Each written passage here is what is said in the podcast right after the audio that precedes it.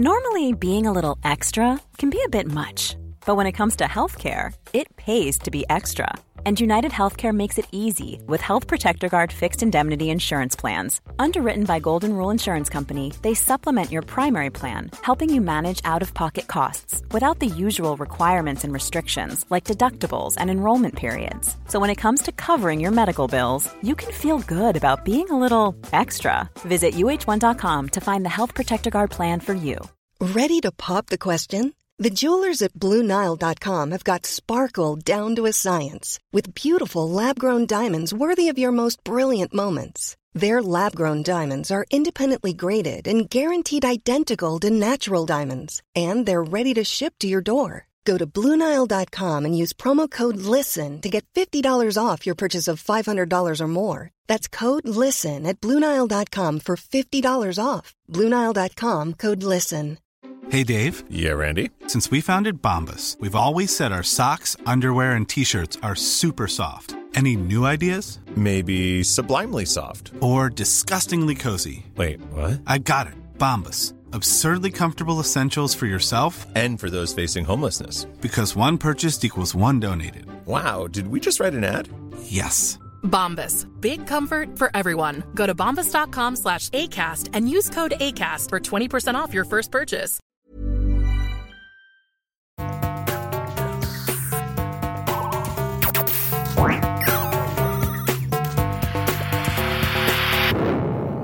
Velkommen til Sinnsyn. Jeg heter Sondre Risom Livre, jeg er psykolog, og dette er Webpsykologens podkast.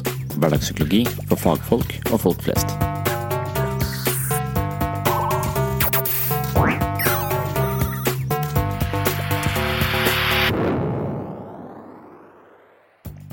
Troen på en dypere mening med livet kan være med på å sette hverdagslivets utfordringer og plager i perspektiv.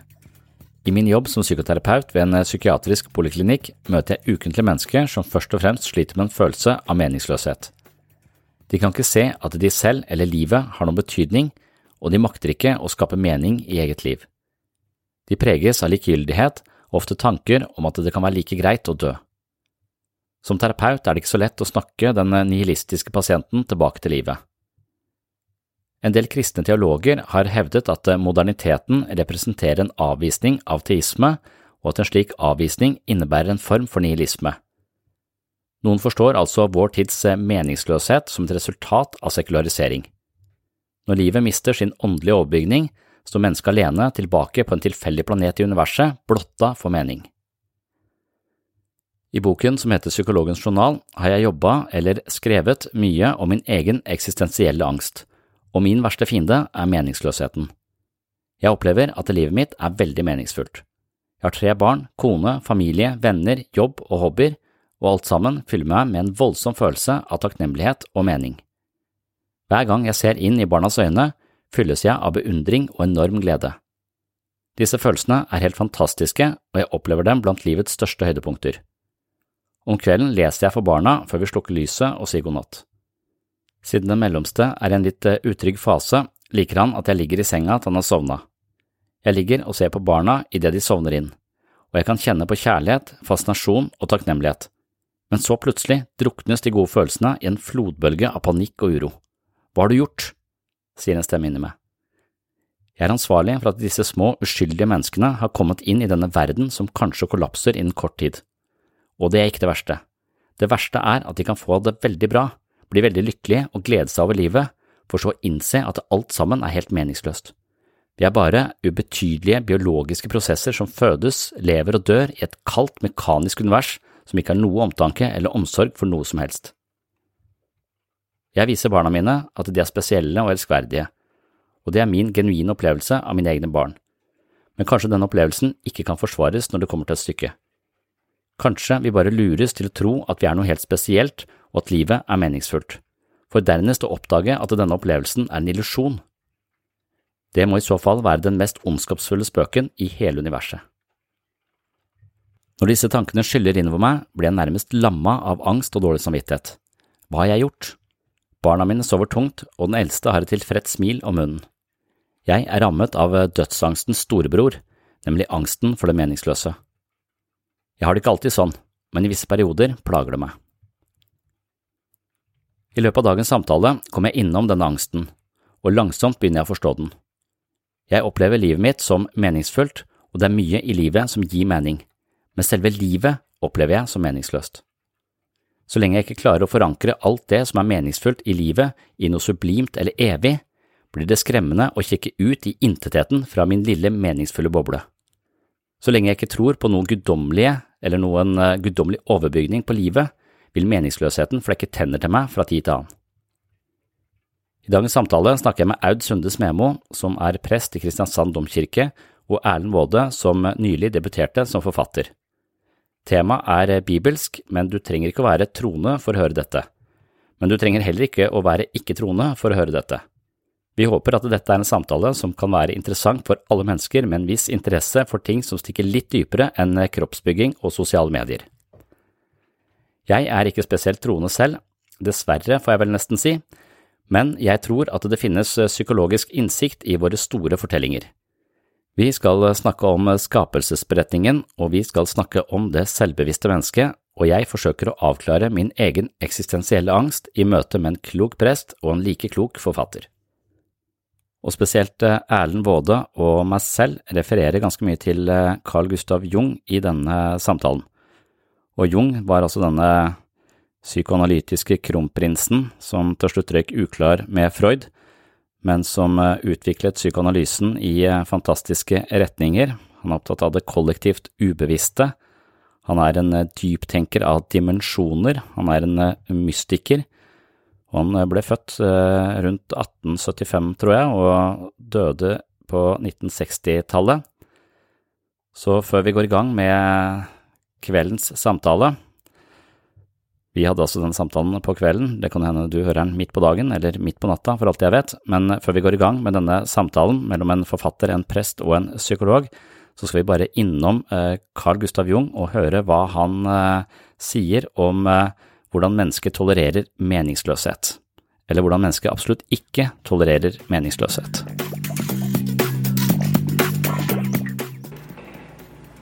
As the world becomes more technically efficient, it seems increasingly necessary for people to behave communally and collectively. Now, do you think it's possible that the highest development of man may be to submerge his own individuality in a kind of collective consciousness? That's hardly possible. I think there will be a, a, reaction.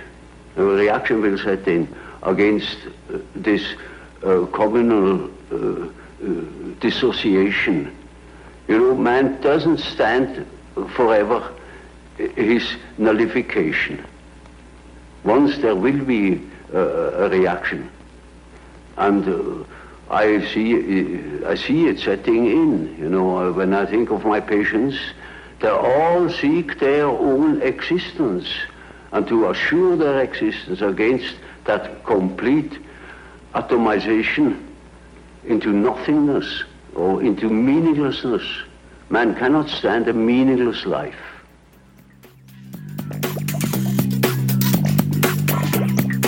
Ja, ok, Så velkommen til eh, egentlig til Solvang, der hvor vi er eh, nå.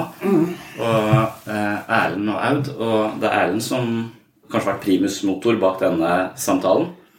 Og, ja, det er sant. Jeg har lyst til å høre litt hva andre tenker om ja. det jeg har tenkt rundt de her tingene. Ja, så tanken er at dette her blir en samtale vi egentlig kanskje skulle hatt uh, i regi av Domkirken, uh, mm. eller uh, i regi av Webpsykologen, eller som vi har hatt en lignende samtale før, som har vært veldig spennende. Men det er mye å gå på når det kommer til de store fortellingene. Mm. Så da prøver vi å ha en ny samtale om det, og da er det skapelsesberetningen først og fremst, mm. som vi hadde tenkt å fokusere på i dag. Ja. Og så begynner vi med en liten uh, runde. Hvem er uh, De som har hørt på Sinnsyn før, hvert fall, de vet hvem Erlend uh, er. De vet hvem jeg er. De vet kanskje hvem Aud er også, for du, du, har vært innom. Mm. men kunne vi bare begynt med deg, Erlend, som akkurat har hatt bursdag og gitt ut bok. ja, så gratulerer med begge deler. Jeg er litt stolt. Ja, jeg gratulerer mest med boka. Det at du har bursdag, det er ikke akkurat på bragd, men det å skrive bok er flott. Ja, eh, debuterer som forfatter. 66 år er jeg nå, da. Ja.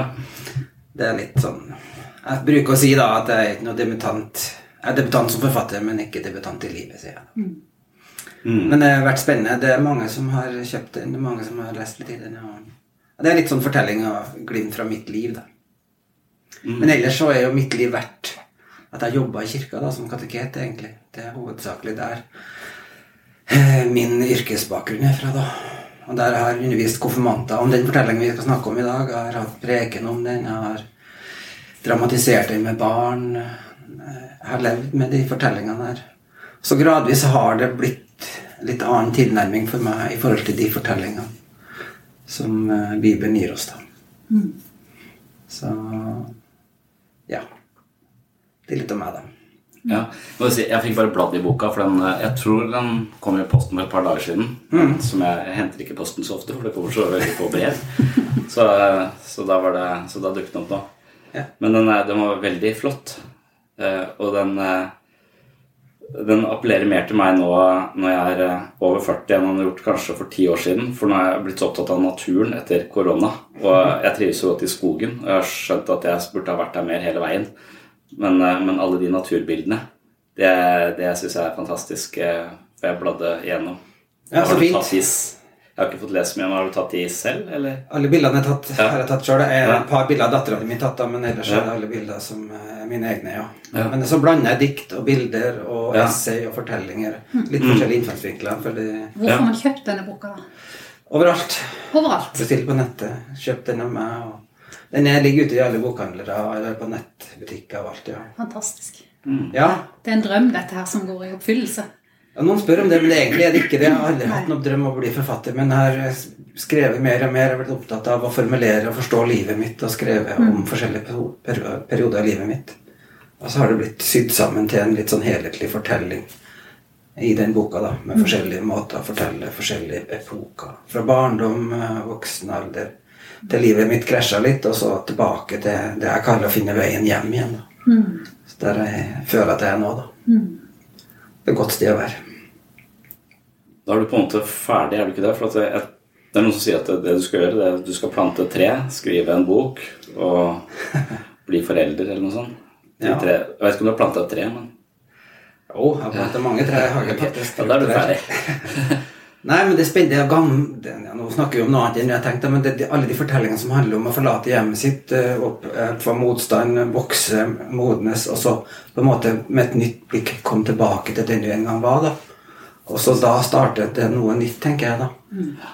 Eh, Finne tilbake til Ja, det er ikke slutt, nei. Men når det kommer igjen, da det på en måte Det er mye spennende som, som begynner da, syns jeg, da. Finne litt balanse og. Med seg sjøl og med folk rundt seg og relasjoner. Mm. Ja. Men det er spennende. Ja, men Aud, da? Aud, ja. Ja. Prest i domkirka. Det har jeg vært i snart 20 år. Mm. Eh, og mitt forhold til det vi skal snakke om i dag, det er altså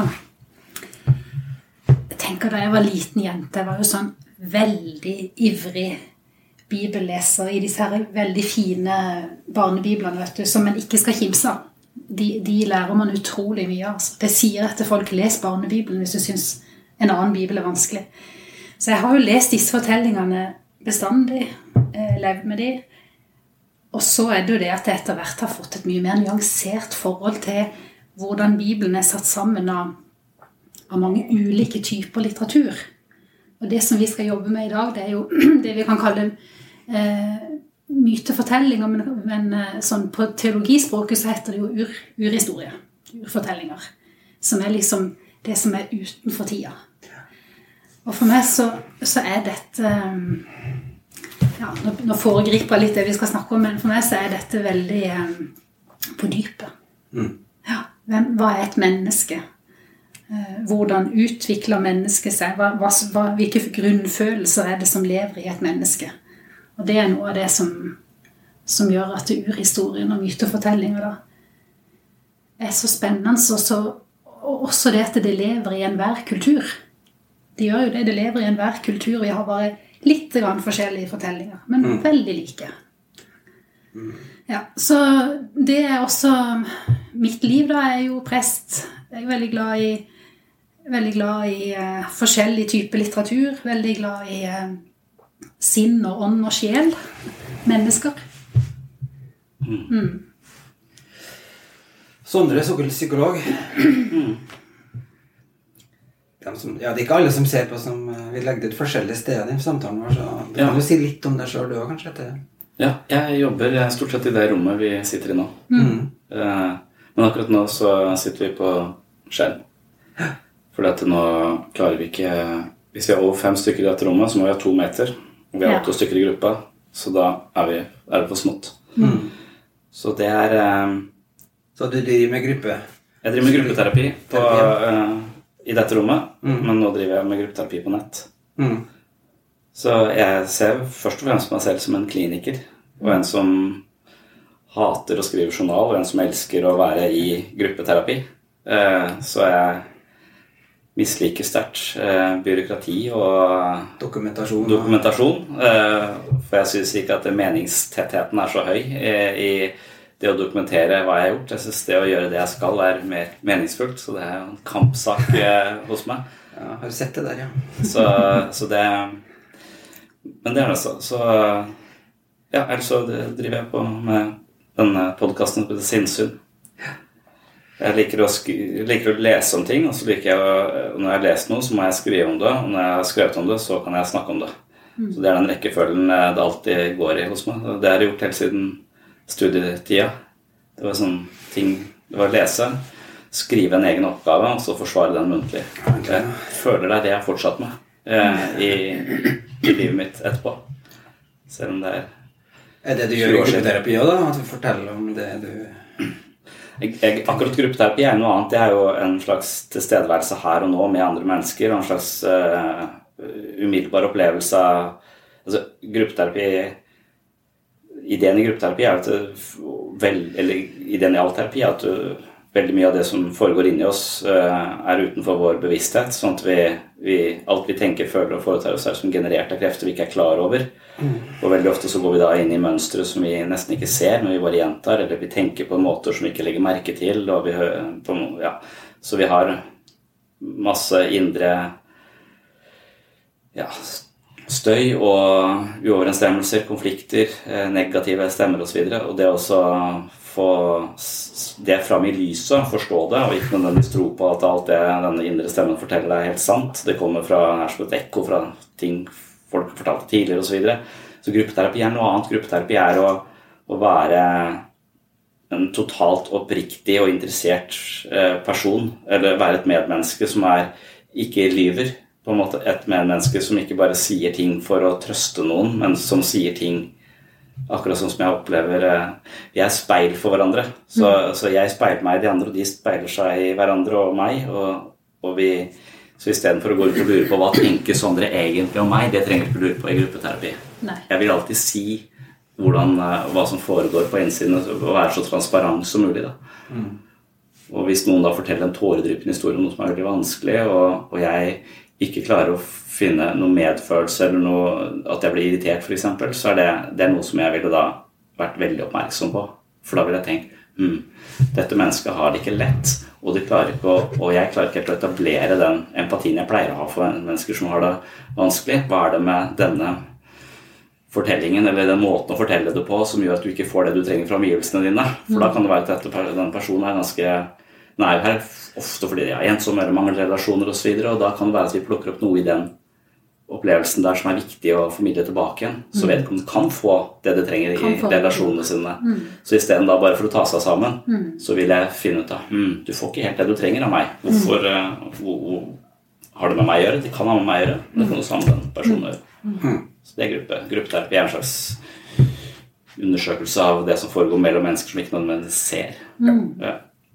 Men det er jo det, jeg vet ikke om du lurer på Sondre og hans tanker om Bibel og sånne ting, men du har jo snakka litt om Kalte Kalt deg ateist, agnostiker. men det er Spennende å høre, siden vi skal innom Bibel og bibelfortellinga, det som er temaet i dag, hva, hva tenker du? Hva slags bok er det?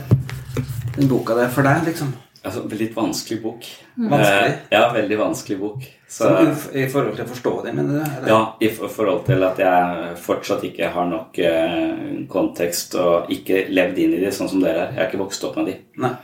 Eh, jeg har vokst opp med de sånn på avstand. Mm. Eh, det har ikke, jeg har ikke vokst opp i et hjem som eh, Du har ikke fått dem på innsida noen gang, kanskje? da? Nei, ikke egentlig.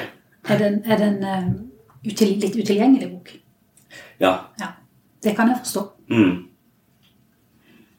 Den er uh... Er den på en måte okkupert av kristne, da? Altså, altså, det, altså, er det den som passer den ikke for deg, eller er den uinteressant? Har det vært Jeg oppfatter det litt sånn at jeg øh, mangler øh, kunnskap og historie nok til å forstå den sånn eller Det er mange måter å forstå det på, så jeg er interessert i enkeltfortellingene. Mm. Som de fremste, men jeg klarer ikke også å få noen sånn kjempestor sammenheng i det. Det er litt sånn som jeg prøvde å lese Salman Rushdie. Men det var altfor mange referanser der som lå utenfor min kompetanse. Så, øh, så jeg fikk bare med meg bruddstykker. For den, den, ref, den, peker, så, den peker utover seg sjøl hele tiden, og den peker til eh, på, på en måte hvor jeg ikke har vært. Men, men Bibelen er jo en Vi må jo kunne si at Bibelen er en utilgjengelig bok. Den, den, den er jo Den spenner jo over så vidt lerret. over- Den, den, eh, den har så mange ulike gudsbilder. Den er så forskjellig fra begynnelse til slutt. Den, den er Ja. litt utilgjengelig. Ja. Ja, Samtidig syns jeg at den er som ja, avbryter deg kanskje, men jeg syns den har så mange fortellinger som står for seg sjøl, som, Det som rene, gode, spennende fortellinger om folk som mislykkes. eh, Det, det, det, det er ikke noen fortellinger, det, det, det er noen glansbilder eller det er mye sånne Men det er ikke det jeg mener når jeg sier utilgjengelig. Da tenker jeg på alle som ønsker trøst, finner Bibelen, blar opp. Hvor i all verden skal du bla opp? Ja. Hvor skal du finne disse fortellingene som gir trøst? Hvis ikke du er litt kjent. Der, der er han utilgjengelig. Mange Ja, tusen ja, ja, sånn, du kan være uheldig og slå opp i en ettertavle likevel, eller i en krig. ja. I en voldsgjerning. Det gir ikke så mye trøst. Nei. Det oppleves bare merkelig. Ja. Ja. For min del er at I ungdommen så var, var kristne en sjeldenhet. Vi visste ikke hvem det var. Jeg hadde veldig lite forhold. Min mor var kristen og veldig religiøs, men, og jeg har lært av bibelfortellinger litt på skolen, men det var noe sånn barnslig, dum, tåpelig å tro på de tingene der. Sånn, sånn var min oppvekst. da, helt av du snakker om at den som møtte Jesus, er en dansk forfatter. Jeg har møtte Jesus i en sånn dramatisk situasjon som 20-åring. Jeg følte at bønnen gjorde at jeg ble redda fra frysehjelp på et fjell. Liksom. Og etter det så begynte jeg å lese Bibelen, og så ble fortellingene viktige. da. Og så begynte jeg å jobbe i kirka, og så begynte jeg å Så ble de fortellingene og Bibelen en del av mitt liv. da. Men det, er det som sies For meg ble det jo at, at det, var en slags fasit, at det var Guds ord, det var det der vi kunne finne svarene på. Og så etter hvert nå i siste så har jeg begynt å tenke mer på Bibelen som en roman, da, som er noe som kan tolkes, noe som er, forteller om det, noe som har vært sant for mennesker gjennom lange tider. Da. Et annet måte å nærme meg den boka på. da. Ja, for Når jeg prøvde å nærme meg den boka i senere tid, så har det blitt annerledes for meg. Men det er nok jeg opplever at i mitt liv så er den presentert på en litt dårlig måte. Den er ikke presentert for meg på en måte som eh, som appellerer. Eh, men det har jeg fått et annet eh, Det har egentlig ikke det, det vil nesten si nesten alle områder som jeg prøver å gå inn i, og som jeg ikke tidligere har helt eh, forstått. Det viser seg å være en annen dybde der når jeg prøver å utforske det. Det kan være vinsmaking. Altså, eh, det, det, det er et kjempelandskap. Så hvis noen Ja, eller mennesker du ikke meg kjenner det. Mennesker du ikke kjenner som du blir kjent med etter hvert. Så, ja. Det også, og det, men det driver jeg liksom med hele tiden. Ja. Altså Sånne felt som jeg kan gå inn i. Jeg er sikker på at klassisk musikk er helt sikkert noe jeg kunne eh, virkelig eh, fått noe ut av hvis noen hadde lært meg det. Men noen er nødt til å lære meg det. Mm. Eller jeg er nødt til å finne en eller annen vei inn dit. Og jeg føler at det, Bibelen har langstått langsomt eh, Noen har vist meg den veien, jeg har ikke syntes at jeg har funnet den veldig spennende veien før jeg leser type Joseph Campbell eller sånne, sånne som snakker om mytologi, eller, eller hører Jordan Peterson som, som reformulerer og forteller om all, disse, all den symbolikken og hvordan det er så relevant i alles liv, og hvordan det dukker opp overalt, og hvordan de arketypiske fortellingene virkelig snakker til oss og, og, og, og kan fungere som veivisere. Når jeg kan, når jeg kan se en sånn oppdage en slags ny magi i det, og som ikke er ferdigtygd. Det er sånn, det er sånn, det er svaret, det er svaret. Jeg vil jo ikke ha noe, noe trossystem med svar. Jeg vil ha et åpent system som det er mulig å spare med og vokse inn i. Og, og, og hele tiden høyere. Ikke noe sånn nå hele tiden lenger, på en måte.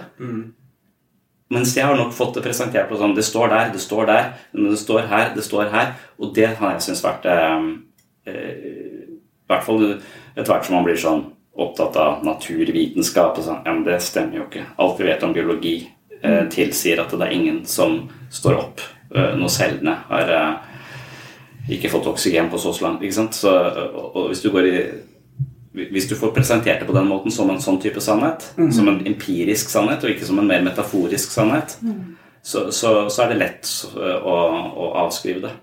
Og da Jeg vet, du ja. glipp av alt, på en måte.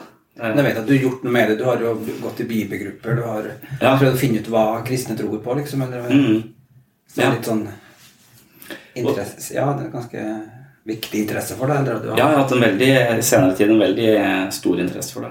Og, og møtt mange forskjellige mennesker som, som presenterer på ulike måter. ja, som leser Bibelen på ulike måter, ja. Ja. Og tolker det forskjellig. Mm. Men opplever jo du at mange kristne tenker at her er det en slags fasit, og her er det Gud som sier hvordan ting egentlig er? Eller så, jeg, for, jeg, jeg tenker at mange kristne tenker Ja, sånn på den boka. ja. Jeg synes også, og, og det tror jeg ikke er noe lurt. Altså, jeg tror ikke det er noe lurt å prøve å spille det spillet som er populært med, med, med Bibelen, eller si at ja, men dette så, så hver gang det er sånne kreasjonister eller sånn intelligent designfolk eller sånne, sånne som skal snakke vitenskapsspråk med, med Bibelen i, i hånda, så spiller de på, på en banehalvdel uh, hvor de egentlig ødelegger hele, hele boka, i mine øyne. For at de, de så, så det der at man kan skille på at noe er sant, og noe er metaforisk sant, og noe er eh, viktig, og, og det er et, eh, et, en port som kan åpnes til en hel verden av eh, ja, en slags åndelighet da, eh, som du ikke er nødt Du må ikke forankre den i, i verden på den måten som jeg har blitt presentert. Jeg har møtt med ganske mange i sånn type frikirkelige sammenhenger. For dette, dette er jo veldig ukjent for meg. Altså, Ja. sånn intelligent At design? Nei, det er nei, intelligent design og, og kreasjonisme. Altså, jeg vet jo at det kommer, det kommer jo sånne bølger med det nå, men i min uh, verden, i min hverdag, så er ikke dette tema overhodet. Nei, jeg tror at Der er det- statskirken eh, der er, det, der er det jo undring. Det, det er ikke sånn at vi prøver å tre trange dogmer nedover et stort felt, eller Nei. nedover en stor gud som er større enn vi vet. Så, så det du forteller, det, eh, det treffer meg ikke så veldig.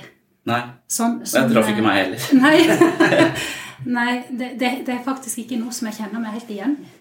Nei, hva er ditt bibel? Hvordan tenker du om Bibelen? da, som prest? Så tenker du, det brukes ofte Bibel, og sier folk det er Guds ord. Så, eh, hva betyr det, eller hva, hvordan forholder du det til boka? altså. Bibelen eh, Jeg vil stå fast på det, Erlend, at eh, jeg syns Bibelen er en, en litt vanskelig bok. Fordi at den krever litt eh, Den krever faktisk litt kunnskap for å kunne angripe den. Det vil jeg virkelig si. Fordi Eh, det er for langt tilbake? Eller har en Fordi at. Bibelen er en hellig bok. Det er, de, det er de kristnes hellige bok. Deler av Bibelen har vi også sammen med jødene. Um, deler av Bibelen finner du igjen i, i eh, Koranen. ikke? Og i, i andre skrifter. Men, men, og, og dette bør man jo vite. Uh, noe av Bibelen er blitt til altså Noe er urhistorie. Noe kanskje en novelle. Noe apokalypse, altså framtidsprofetier. Eh, profetier, som, som på ingen måte er ment å skulle tas bokstavelig. Noe er perifert, noe er allmenngyldig. Um, noe er poesi. Det, det er veldig mye. Men, men likevel så, så er jo Bibelen en hellig bok. Men en må lese det med litt ulike briller, tenker jeg, for at ikke det skal være galt av sted. For hvis ikke du gjør det, så blir jo Gud f.eks. en hevnens gud. Ja. Eh, en, en, en gud som hevner seg i ledd etter ledd. Generasjoner. Hvis ikke du eh, ser forskjellen på Det gamle testamentet og Det nye testamentet, så, så blir det sånn. Da bærer det veldig galt av sted. Og det er jo mye av det som jeg jobber med i min hverdag. Med å hjelpe mennesker med sitt gudsbilde som har blitt så utrolig feil. Fordi f.eks. For at man mye, Veldig mange er jo mye mer opptatt av helvete enn av himmelen. Man gleder seg ikke til å komme til himmelen, men man gruer seg til å brenne til evig tid, f.eks. Svært, et svært tema som jeg jobber kjempemye med. Fordi at forkynnelsen har vært så feil. Noen har ønska å ta Bibelen på alvor. Forkynt det på en sånn måte at folk er livredde for å dø. Ja. det, det er en stor ting, det. Ja, absolutt. Og, og jeg tenker at det, Derfor er Bibelen det er litt sånn, det, det er litt sånn eh, For meg er det et veldig eh, ansvar i det å skulle formidle eh, kristendom ut til folk. Ja. For det er mye krutt i det, altså. Mye Ja. som kan gå galt. Og jeg, eh, hvis jeg har noen kritikk nå mot, uh, mot uh, Mot det jeg sa. Nei, eller, eller mot kirken, Ja. så er det at dere ikke gjør det. Uh, formidler det ut. Altså at det er ja, Men jeg gjør det jo hele tida. Ja, eh, det er sant. eh, men, men jeg Kanskje det er internt, da? I min feed, Ja. så eh, i alle de stedene jeg er, Ja. så dukker Jan Hanvold opp dobbelt så ofte.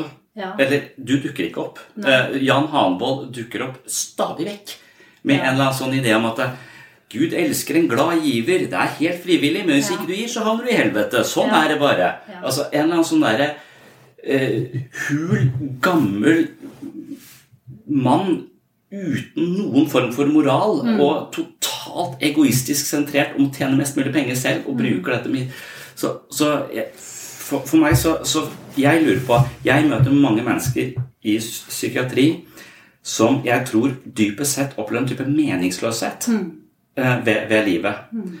Fordi de nettopp har eh, fått presentert Bibelen litt på den samme måten som jeg har fått når jeg har vært, eh, vært rundt. At det blir Det, det er litt eh, det, jeg, jeg kan føle at noen mennesker mangler en slags åndelig ambisjon i livet sitt. At det, at det handler egentlig om eh, det handler om kroppsfiksering, kroppsfiksering og kompetanse. Det er det folk er opptatt av. Mm.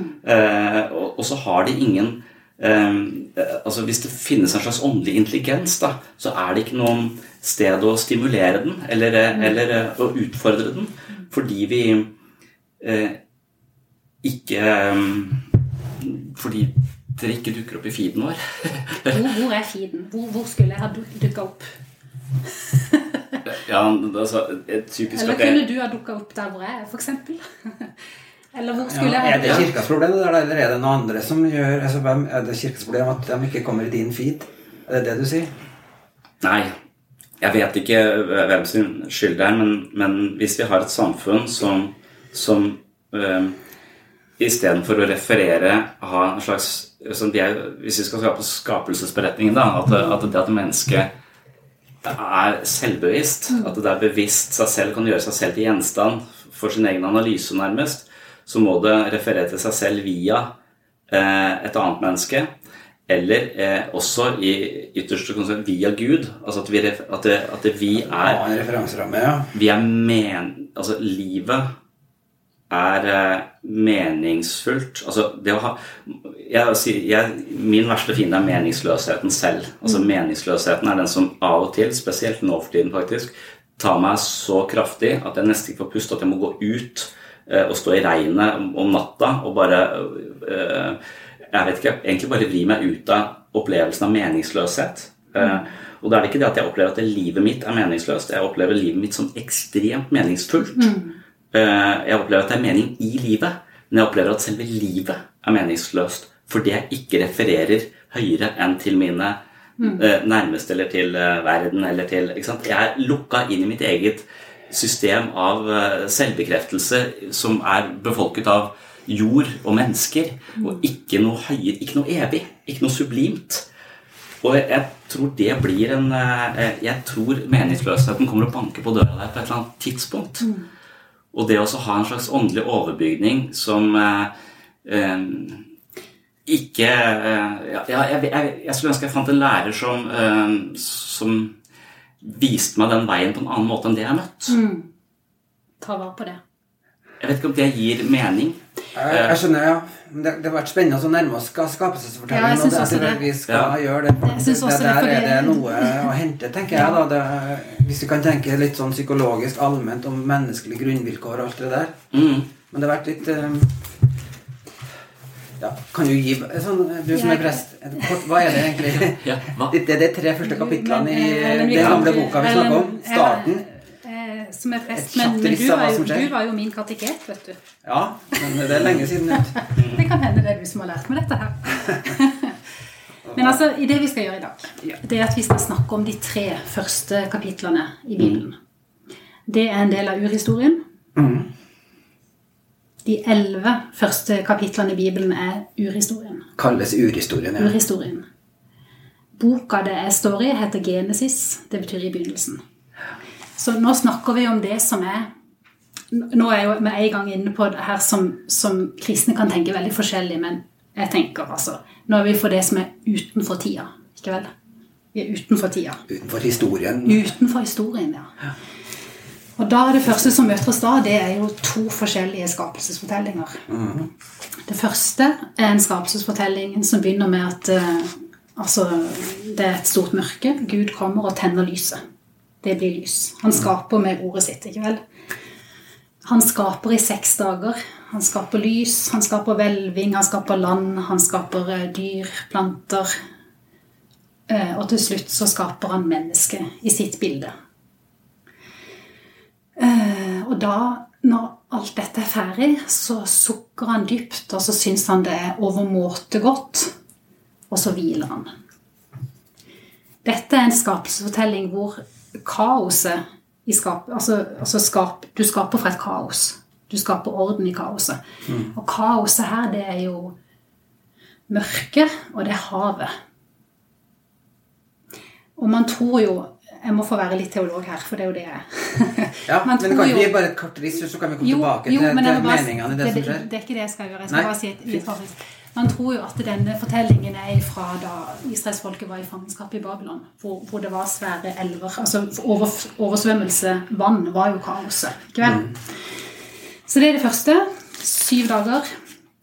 Veldig skjematisk lagd. Eh, helt sikkert brukt i gudstjenestebruk. Prestene satt og leste dette opp som en sånn ritual, på en måte. Så kommer den andre, som er helt annerledes. Den er jo mye mer frodig. En ny fortelling om Ny fortelling. En ny fortelling. Disse to, to ganske forskjellige står ved siden av hverandre, ikke som en motsetning. Så kommer den andre fortellinga. Her er det jo ikke vannet som er kaoset. Her er kaoset det tørre. Det er ørken, det er tørt. Og så er det en kilde som springer fram, og som skaper liv. Da blir det, da blir det liv på jorda. Så eh, tar Gud da og former Da blir det også en våt jord. Så former Gud eh, et menneske av jorda, og så blåser han ånd i det. Så det første mennesket er skapt av jord og, og, og, Pust. og pust. Og pust. Da, da blir det til et levende menneske, når du får Guds pust i seg. Så ser han på dette mennesket at det ikke er godt å være alene. Så skaper han dyr. Eh, Han gir mennesket ansvar for å, for å verne hagen og passe det. Han skaper forskjellige ting. Men mennesket har ennå ikke fått en som ligner på det sjøl. Og det er da han sender mennesket eh, mennesket, eh, Han sender det inn i en slags narkoselignende søvn.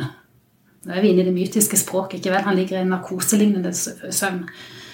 Så tar han et ribbein fra mannen, og så tar han og putter jord inn i ribbeinet og former det til en dame. Og så, eh, og, så vekker han eh, mannen da opp. Man, mannemennesket.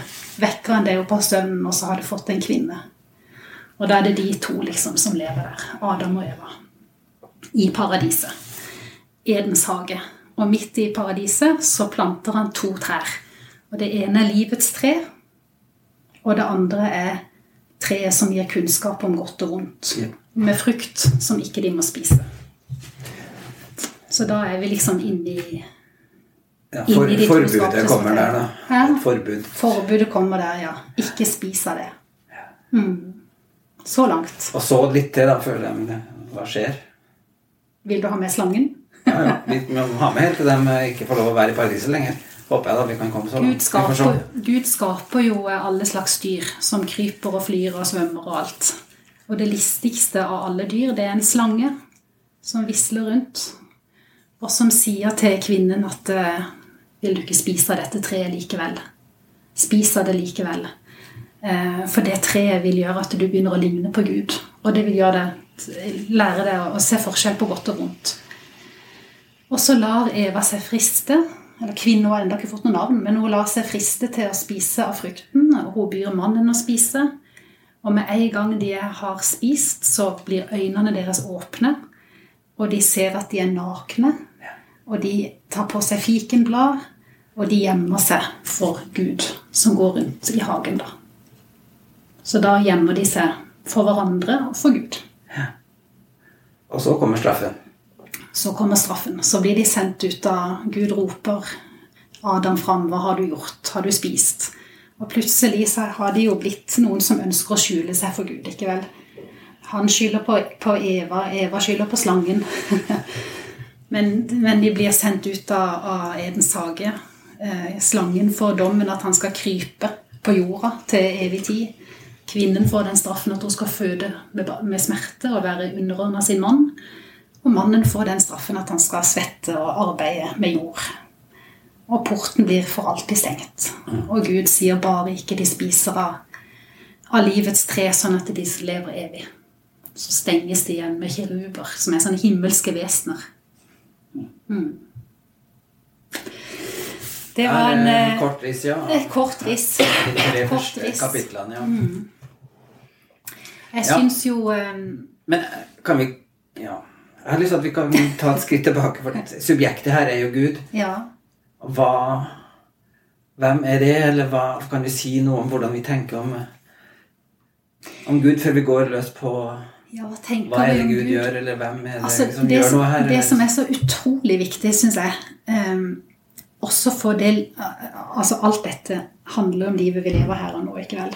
Mm. Men det er en ting som er så grunnleggende viktig her, at Gud er jo den som skaper. Altså, Gud, Gud er skaper. Gud det- Ja, bare så du tenker at det er noe som skjer her og nå, ikke, ikke først og fremst noe som skjedde for lenge siden. At det er fortellingen om Mm, jeg tenker begge deler. Men, Ja, men, men- men, eh, altså, Gud, Gud, er, Gud er skaper. Det, det er en veldig viktig ting eh, som vi i mye, mye større grad tar inn eh, også i gudstjenestesammenheng nå. ikke vel? Gud er skaper. Altså kroppen vår, eh, alt vi er og har, det er noe som er villet av Gud, som har skapt oss, på en måte. Man snakka ikke sånn før. For to generasjoner siden så var jo det skapte noe vi bare måtte streve med mens vi venter på å komme til himmelen. ikke vel? Nå kan vi i mye større grad takke Gud for kroppen, for, for sanser, for eh, kjærlighet, for alt mulig sånn. Ja. Du snakket om at, at sjelen ble opphøyd og kroppen ble nedvurdert før. Er det du er inne på? Altså, ja. Og det, det er det, Det første, det, er det første verdig. som slår meg med disse to eh. Men hvem er Gud? Eh, Men bare når du snakker Ja. om det på den måten Ja. altså jeg, jeg kan til en viss grad være med Eller jeg tenker at det, hvis Gud viser sånn slags vilje til eksistens, nærmest um, Men med en gang du snakker om at det altså, Jeg tror noen Med en gang man hører du sier det, så vil man si Ja, men hva med er jeg som mangler hørsel? Eller hva med jeg som mangler syn? Eller hva med jeg som ikke har armer? Og så med en gang så For det å gå fra det metaforiske eh, måten å forstå Eller det du har sagt hittil, er bare et slags riss av Mm.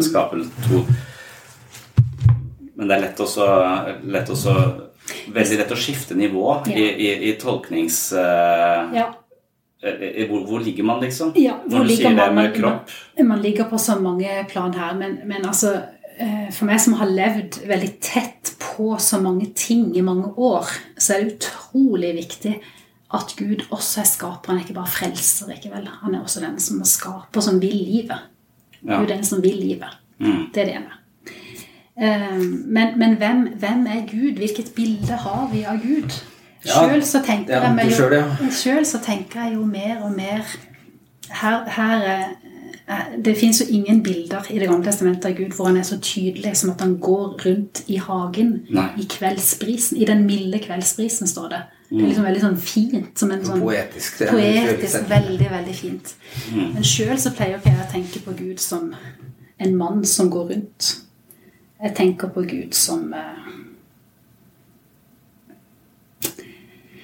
Jeg tenker med Gud på, på, på billedlig. Jeg tenker på han som to hender. Jeg tenker på han som eh, gode vinger. Jeg tenker på han som eh, en mor. Jeg tenker på han som en kraft. Tenker på han som en helt annen dimensjon. Og alle, alle de bildene de, Det varierer litt over hvilket eh, bilde som ligger meg nærmest, faktisk. Ja. Men det er jo her han er en, en mann som vandrer rundt i den, i den milde kveldsbrisen.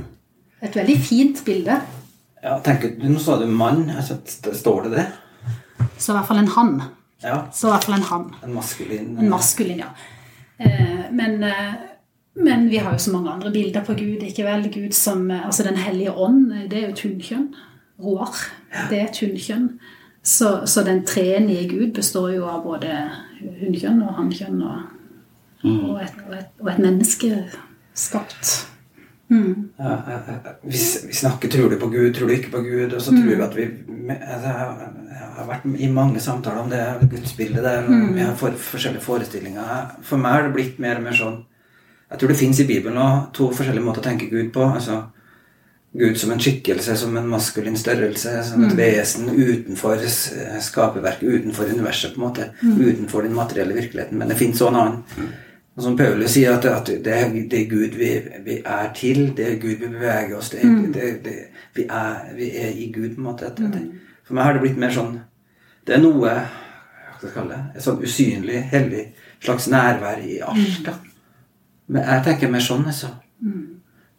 Ehm, jeg har hatt, jeg snakka med folk som har sånne Opplever at uh, grensene til seg sjøl og verden og kosmos forsvinner litt. De opplever at, at de nærmer seg en annen virkelighet. Du kan få det hallusigene stoffer, så kan du oppleve sånne en annen måte sansene virker på, at du kommer i kontakt med en annen virkelighet.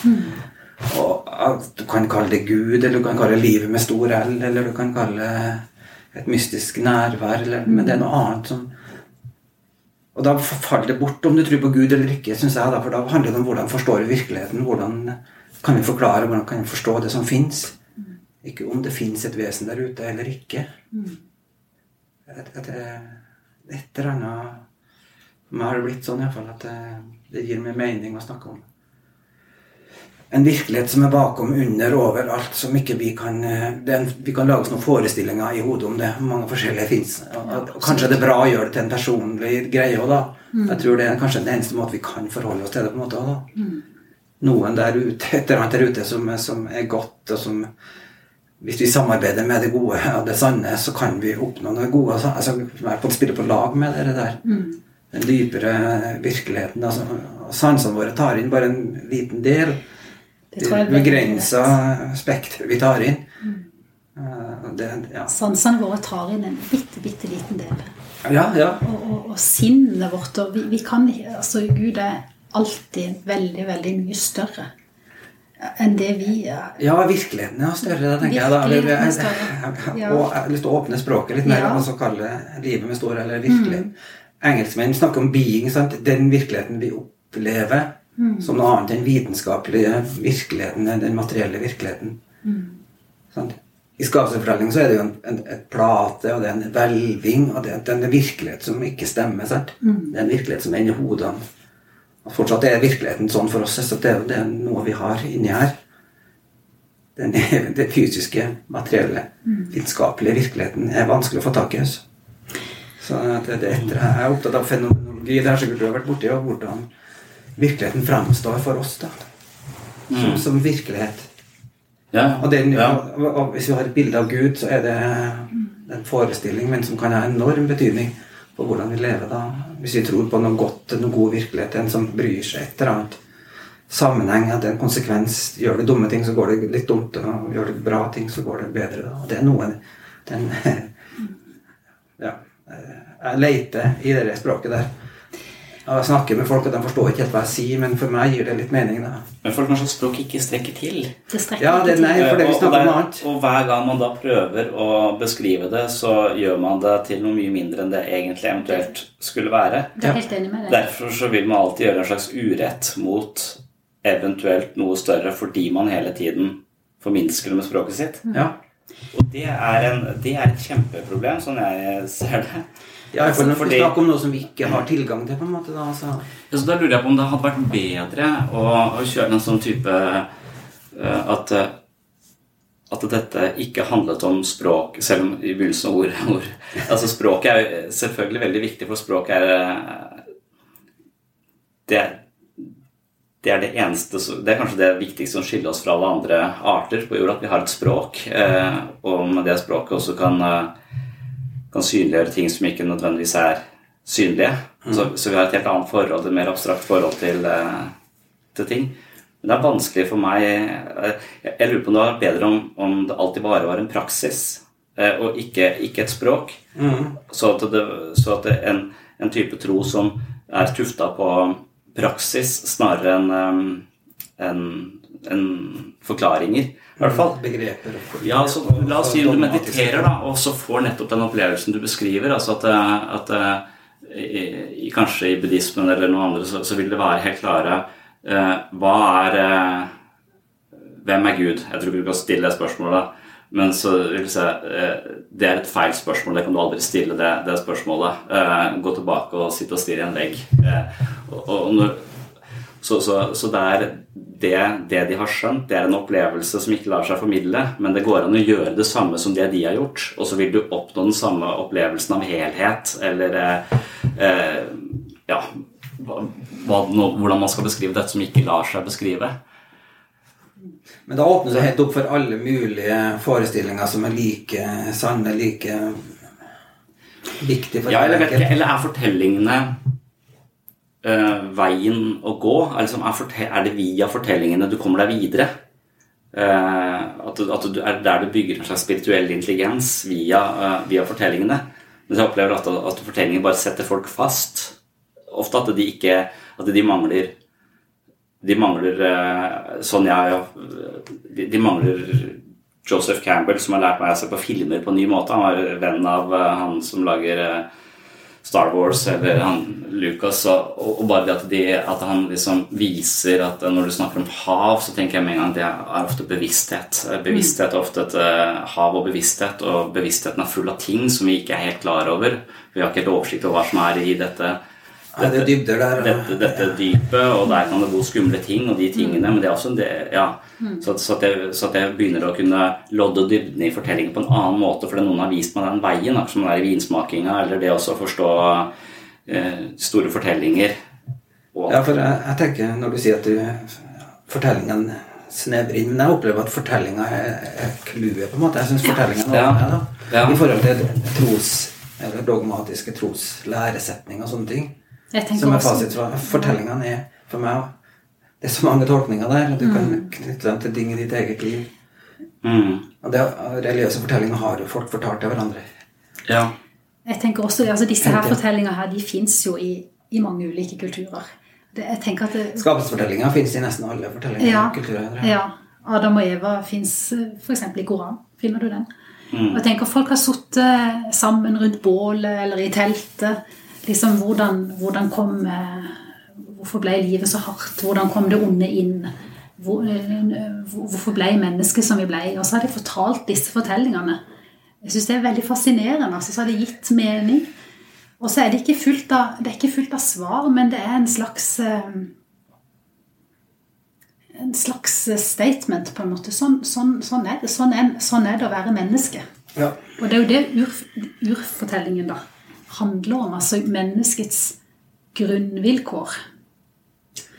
Kan jeg få lov å gå litt videre? For det, det ja, har du utfordrer sånn Ja. litt, for han sier har sjekket at han er at ateist, at det betyr at du ikke tror på noe Gud, eller kan du si litt om hva tenker Du sa vel litt om det, kanskje, men eh, er det det, det som har interessert meg i den senere tid, er, er liksom at vi kan ha en metaforisk distanse til det, og så kan vi hele tiden spare med disse fortellingene, fordi de, de inneholder en type Men da føler jeg at vi gjør egentlig ånd om til kultur.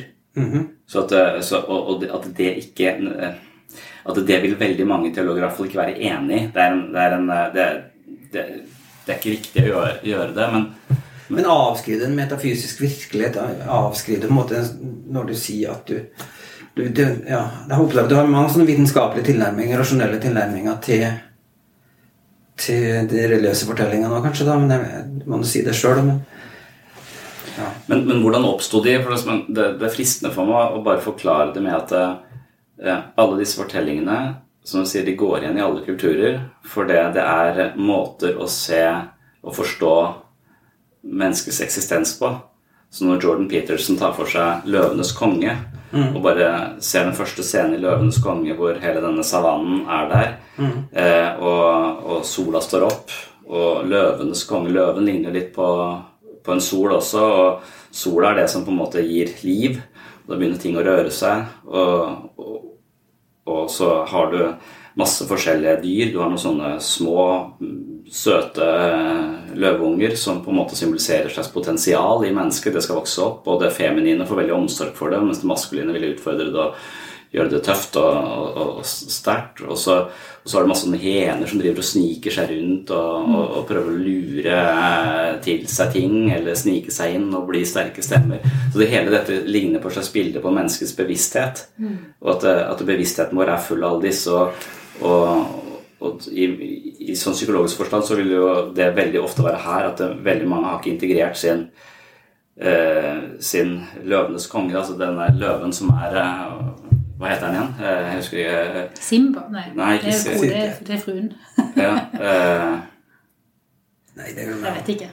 Ja, men, men også, så, så, er det akkurat som at denne Hvis du har en sterk løve, så er det et slags sånn Du har god oversikt og kontroll på det som foregår inni, inni bevisstheten, eh, bevisstheten, din, og du, du, lar deg ikke lure. Her kommer disse hyenene og sier Hei, de, de der ute, de på den andre siden de, så, så, du blir ikke korrupt fordi du har en fugl som, som, flyr over her og, og, gir eh, løven informasjon, som har oversikt over hele landskapet. Ja. Det er så slags bilde på menneskets syke, eh, alt sammen, og du kan tenke deg det å være selvbevisst da, som en byrde, det å på en måte skjønne at jeg skal dø, mm. eh, og det å reflektere over min egen eksistens, det betyr at jeg altså Bevisstheten er alltid en relasjon til noe annet enn seg selv. altså jeg, jeg kan være, Men jeg kan også være bevisst min egen bevissthet. Jeg kan være bevisst meg selv, og jeg, og jeg ser min plass i, i, tilværelsen.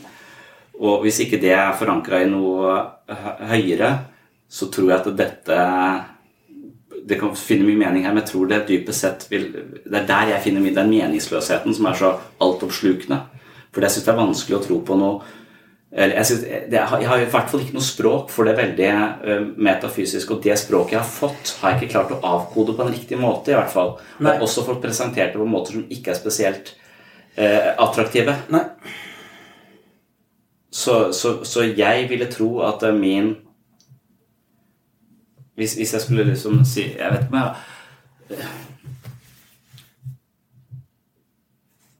Nei, ja Det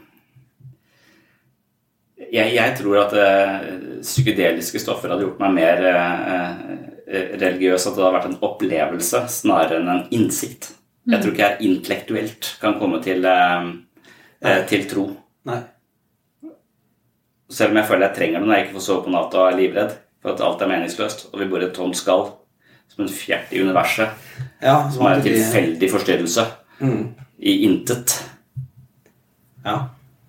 Det er en ganske heftig tanke, det der. At vi er på en liten prikk langt ute i en avkrok av et univers, og det er ja. meningen med det vi holder på med nedpå her, liksom. Ja. Men da er vi inne på Da er vi tilbake til skapelsesfortellingen, syns jeg, da, som gir for meg gir det for litt mening, det der at det Gud gjør, da, det tror jeg vi, vi har samme kapasiteten òg, da.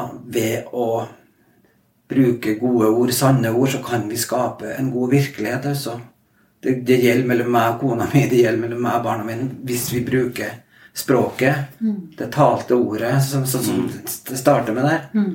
Og du har snakka litt om at vi ikke har fri vilje, men jeg tenker at vi har evnen til å skape en bedre framtid.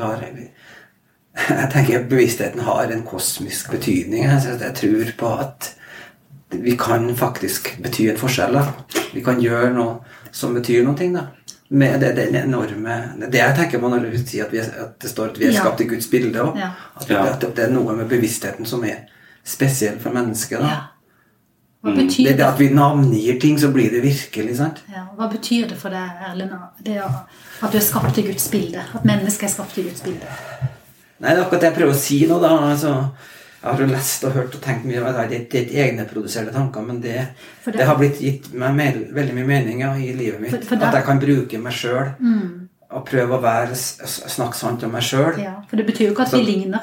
Det betyr jo ikke at vi ligner fysisk på noen måte, men det er at vi, vi har, vi har no, noe, noe av den samme muligheten. Ja.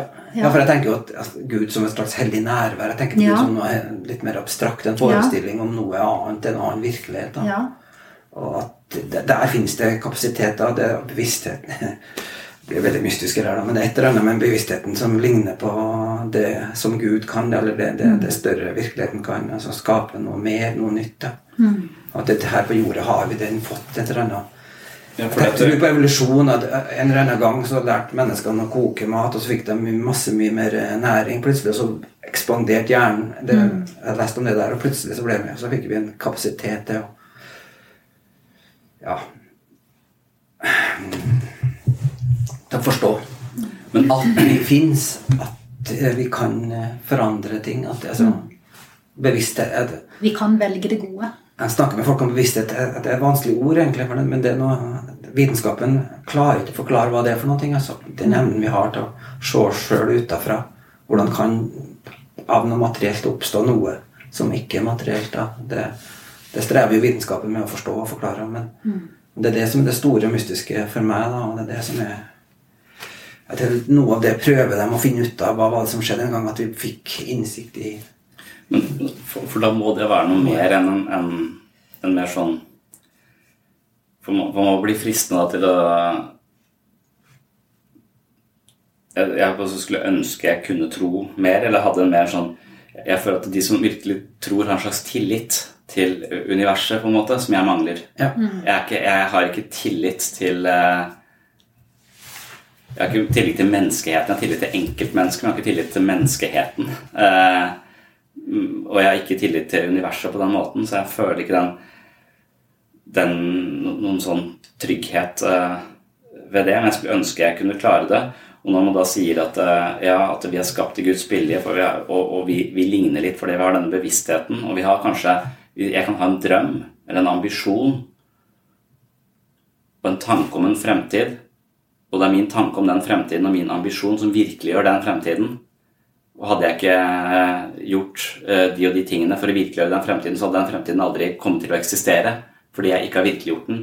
Så et potensial er egentlig noe som egentlig ikke fins, men det er noe som kan virkeliggjøres eh, i kraft av meg. Det høres litt guddommelig ut at jeg kan skape, skape ting. Også det, som- Ja, det er ganske som- rar ting at vi kan skape noe Ja. i framtiden. Ja, Hvordan vi lever nå. Altså, men det- på en måte så er det en rar ting, men det er ikke så vanskelig for meg å kjøpe en annen forklaring også. At det, ja, det er pga. språket.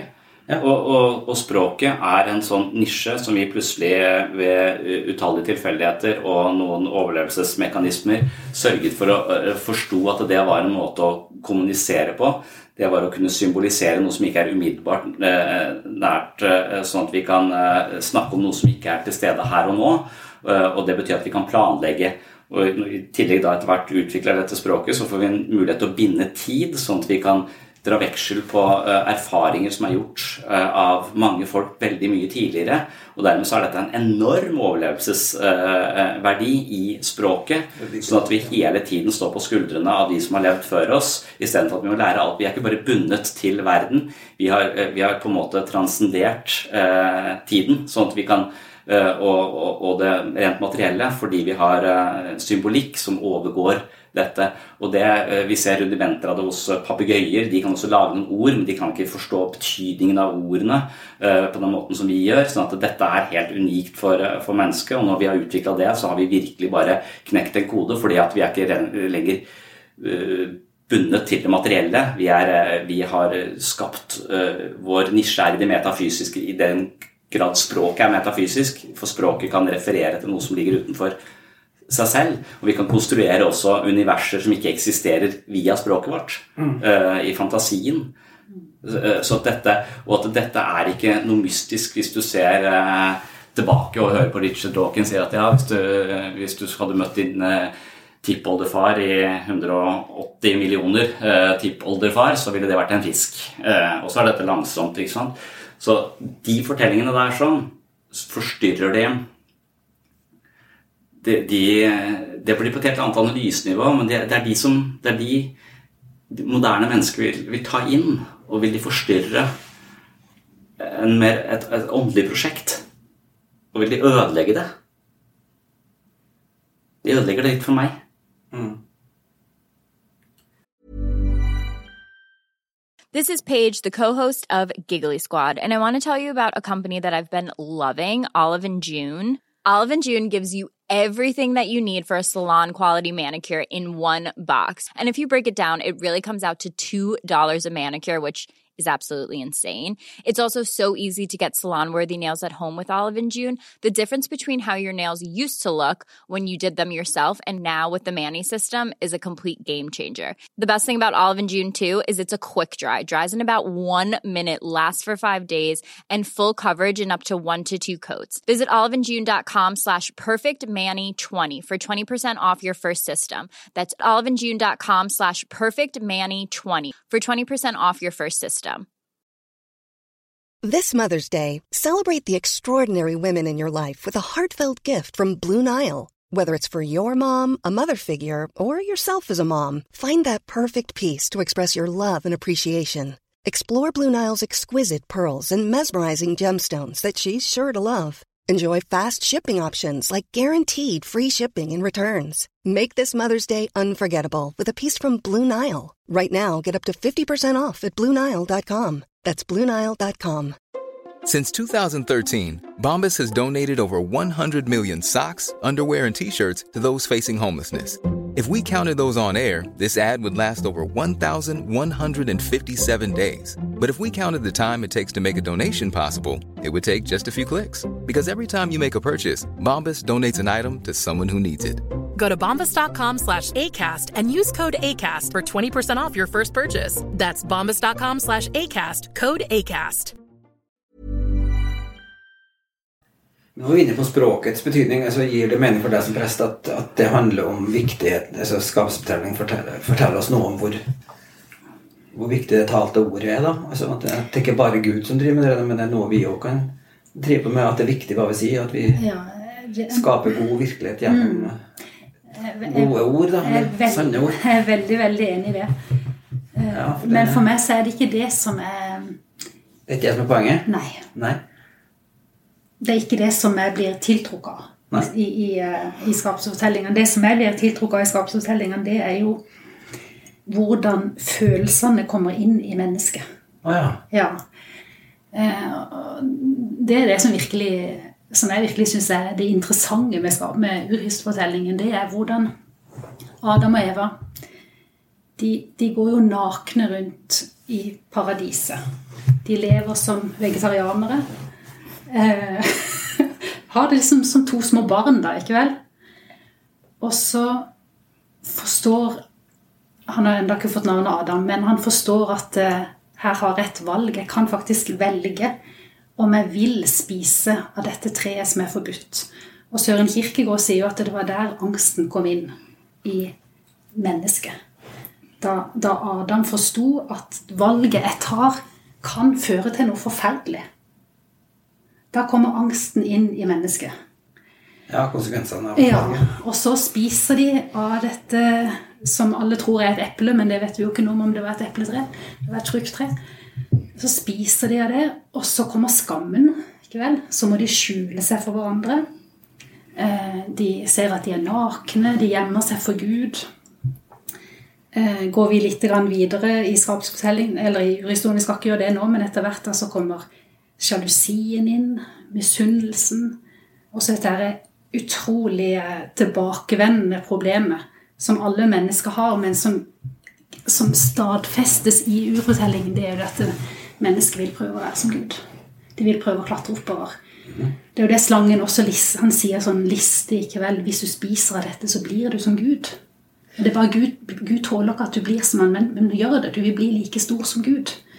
Og det er jo liksom det som er Ja, sprenge grensene, da. Sprenge grensene.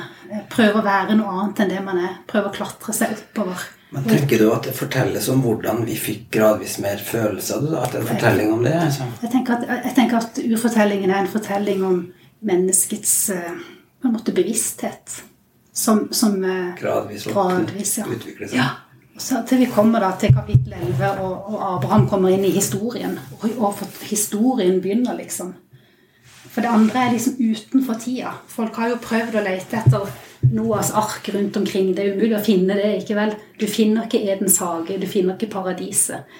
Men du hører om altså Paradiset er jo skildra som et sted uten skam. Men så kommer skammen, så kommer frykten, så kommer Alt dette som vi også trenger for å leve.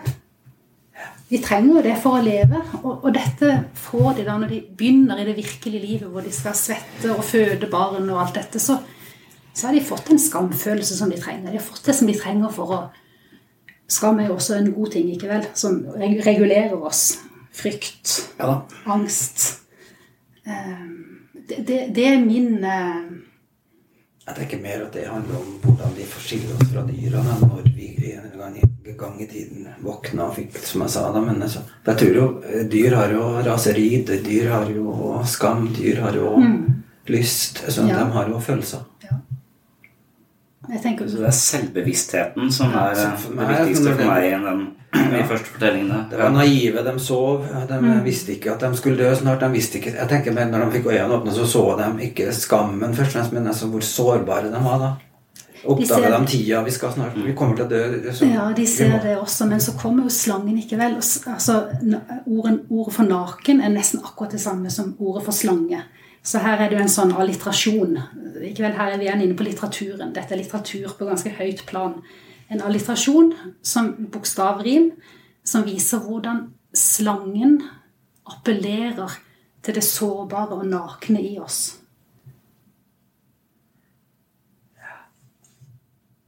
Slangen er jo et helt kapittel for seg sjøl, tenker jeg. Hvem er slangen? Hva er det? Men slangen den har en evne til å liste seg inn i det sårbare i oss finne de sårbare punktene. Jeg snakket om djevelen, eller hva snakker du om? Nei, jeg snakker om slangen.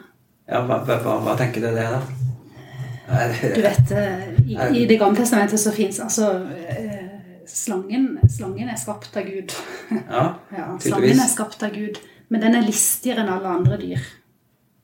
Men er det Gud som vil det her, da? Er det Gud som vil friste med trærne? Er det Gud som vil at Det tenker jeg ikke, men jeg tenker at dette er en fortelling om hvordan det ble som det ble. Dette er ikke en fortelling som gir svar på alle mulige ting, men, men det er De satt eh, Kultur etter kultur har sittet rundt bål eller i telt eller hvor det er, og laget sine fortellinger om hvordan det ble, på en måte. Mm. Mm. Men hvis en innvending eller sånn En innvending vil være at, uh, at de sitter rundt bålet og lager fortellinger Gjentar, gjenta fortellinger. Ja, gjenta fortellinger. Ja, ja. For da lærer de noe, og så kanskje de tilfører noe. Ja. Eh, noen nye erfaringer de har gjort mm. seg i forhold til den samme, mm. samme fortellingen. Og at det, og at det er eh, Det er menneskets eh, kollektive hukommelse som, som vi i utgangspunktet bare overleverte fra person til person med, med språk fordi vi ikke kunne skrive det ned ennå. Mm. Og dermed så måtte ha en sånn uh, dramaturgi og et uh, høydepunkt og være forma som en fisk, eller ja. åssen disse fortellingene skal være for at det, som jeg lært i norsken. Mm. Altså at det, og, og, og, at det, sånn som f.eks. selve ideen Gud mm. er rett og slett når mennesker ble bevisst eller eh, langsomt utviklet en slags selvbevissthet, så kunne vi også se oss selv i en kontekst. Mm.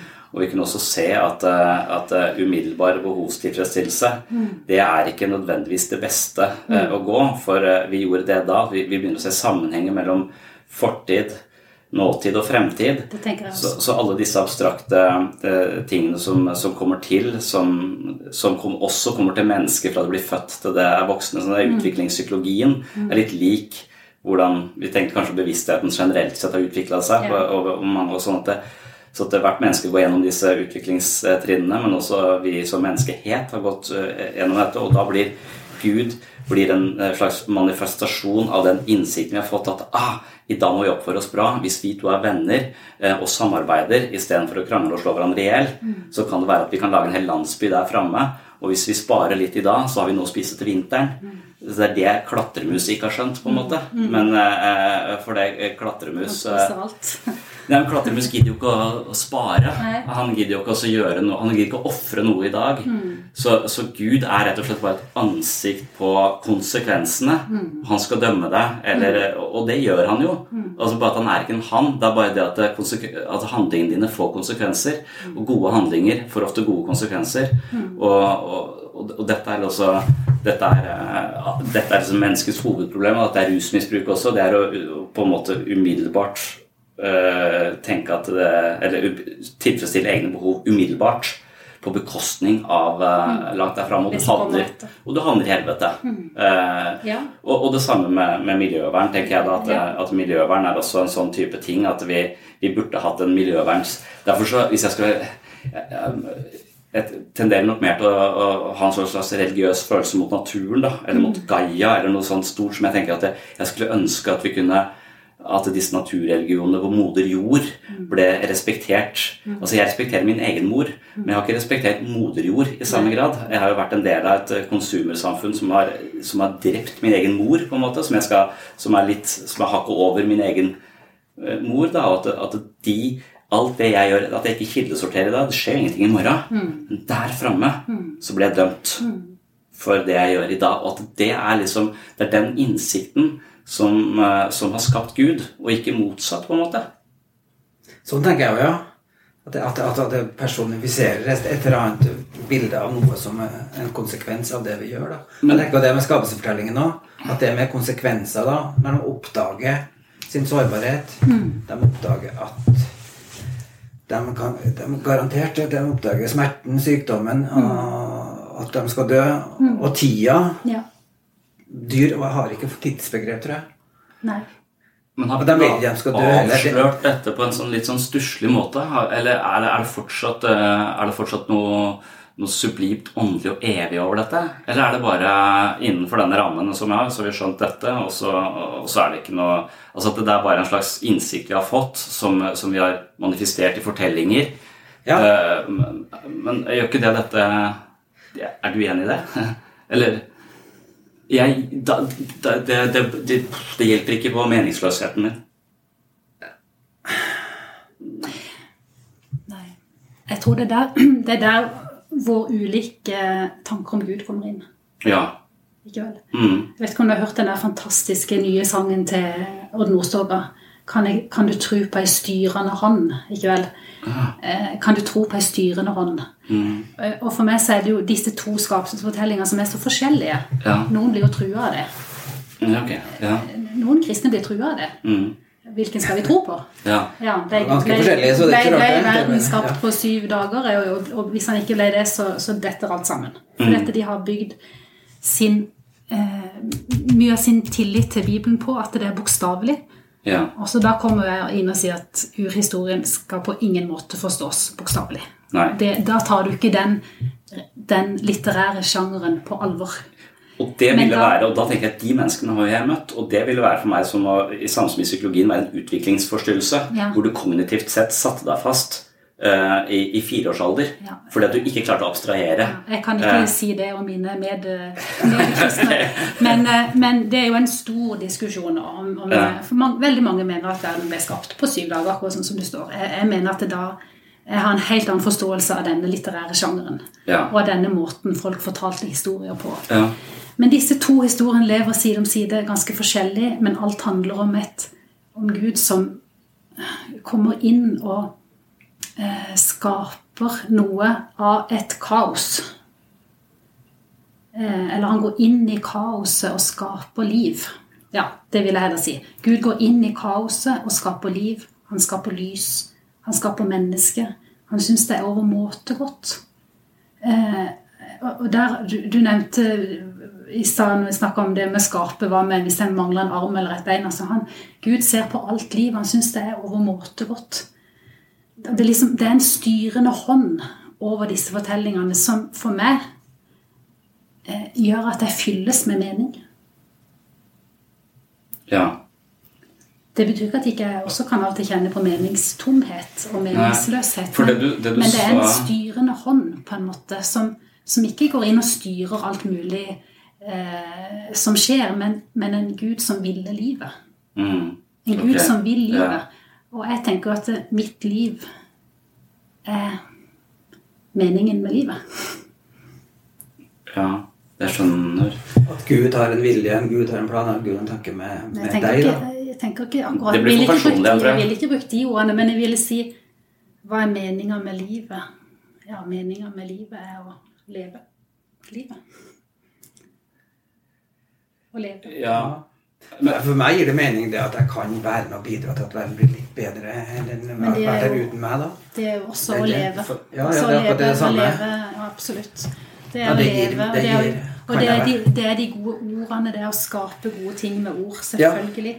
Det er å, å, å leve i en bevissthet om at jeg er skapt i Guds bilde. Det er jo, det er jo utrolig fint. Ja, jeg får ikke tak i hvem Gud er, da, men det er noe mitt problem. da, men altså, Du forutsetter jeg tenker jeg, Jeg forutsetter at Gud fins, ja. Men vil det, for da vil det være en For, for når du sier 'orden i kaos', så Ja. tenker jeg igjen et bilde på det vi driver med her inne. altså Mm. Menneskets bevissthet Mm. er ofte kaotisk, men ved å sette ord på det, så synliggjør vi det og kan rydde i det. Mm. Så samtaleterapi er jo å sette ord på det som før bare var kaos og mørke. Men, men det er helt klart Og, og, og derfor så er det denne ryddeprosessen der. Og, og det at vi da klarer å skape orden Mm. i kaoset. Noen er så opptatt av orden at de klarer ikke å leve også, så det er en Mm, ja, ordenspatologi også. Så, Ja, så, men, men yin og yang er jo da svart og hvitt, og så er det alltid Mm. et, en hvit og en svart prikk også. Så Mm. når det er totalt svart, så er det også en hvit prikk som kanskje muliggjør orden i dette kaoset. Du kan kanskje gjenoppstå som et nytt menneske hvis du klarer å rydde i Mm. dette mørket, Mm. eh, som er så totalt svart. Og at det igjen er et bilde på det å være, være menneske. Og, og da tenker jeg da er det igjen et bilde på vårt eget psykiske liv.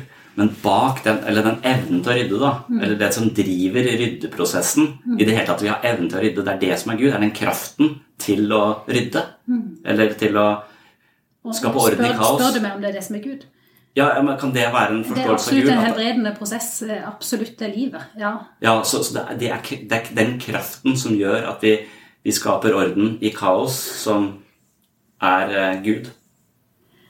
Det er i hvert fall, eh, det er i hvert fall en, en del av, av eh, Jeg kan ikke si at det er Gud, for Gud er jo større enn det også.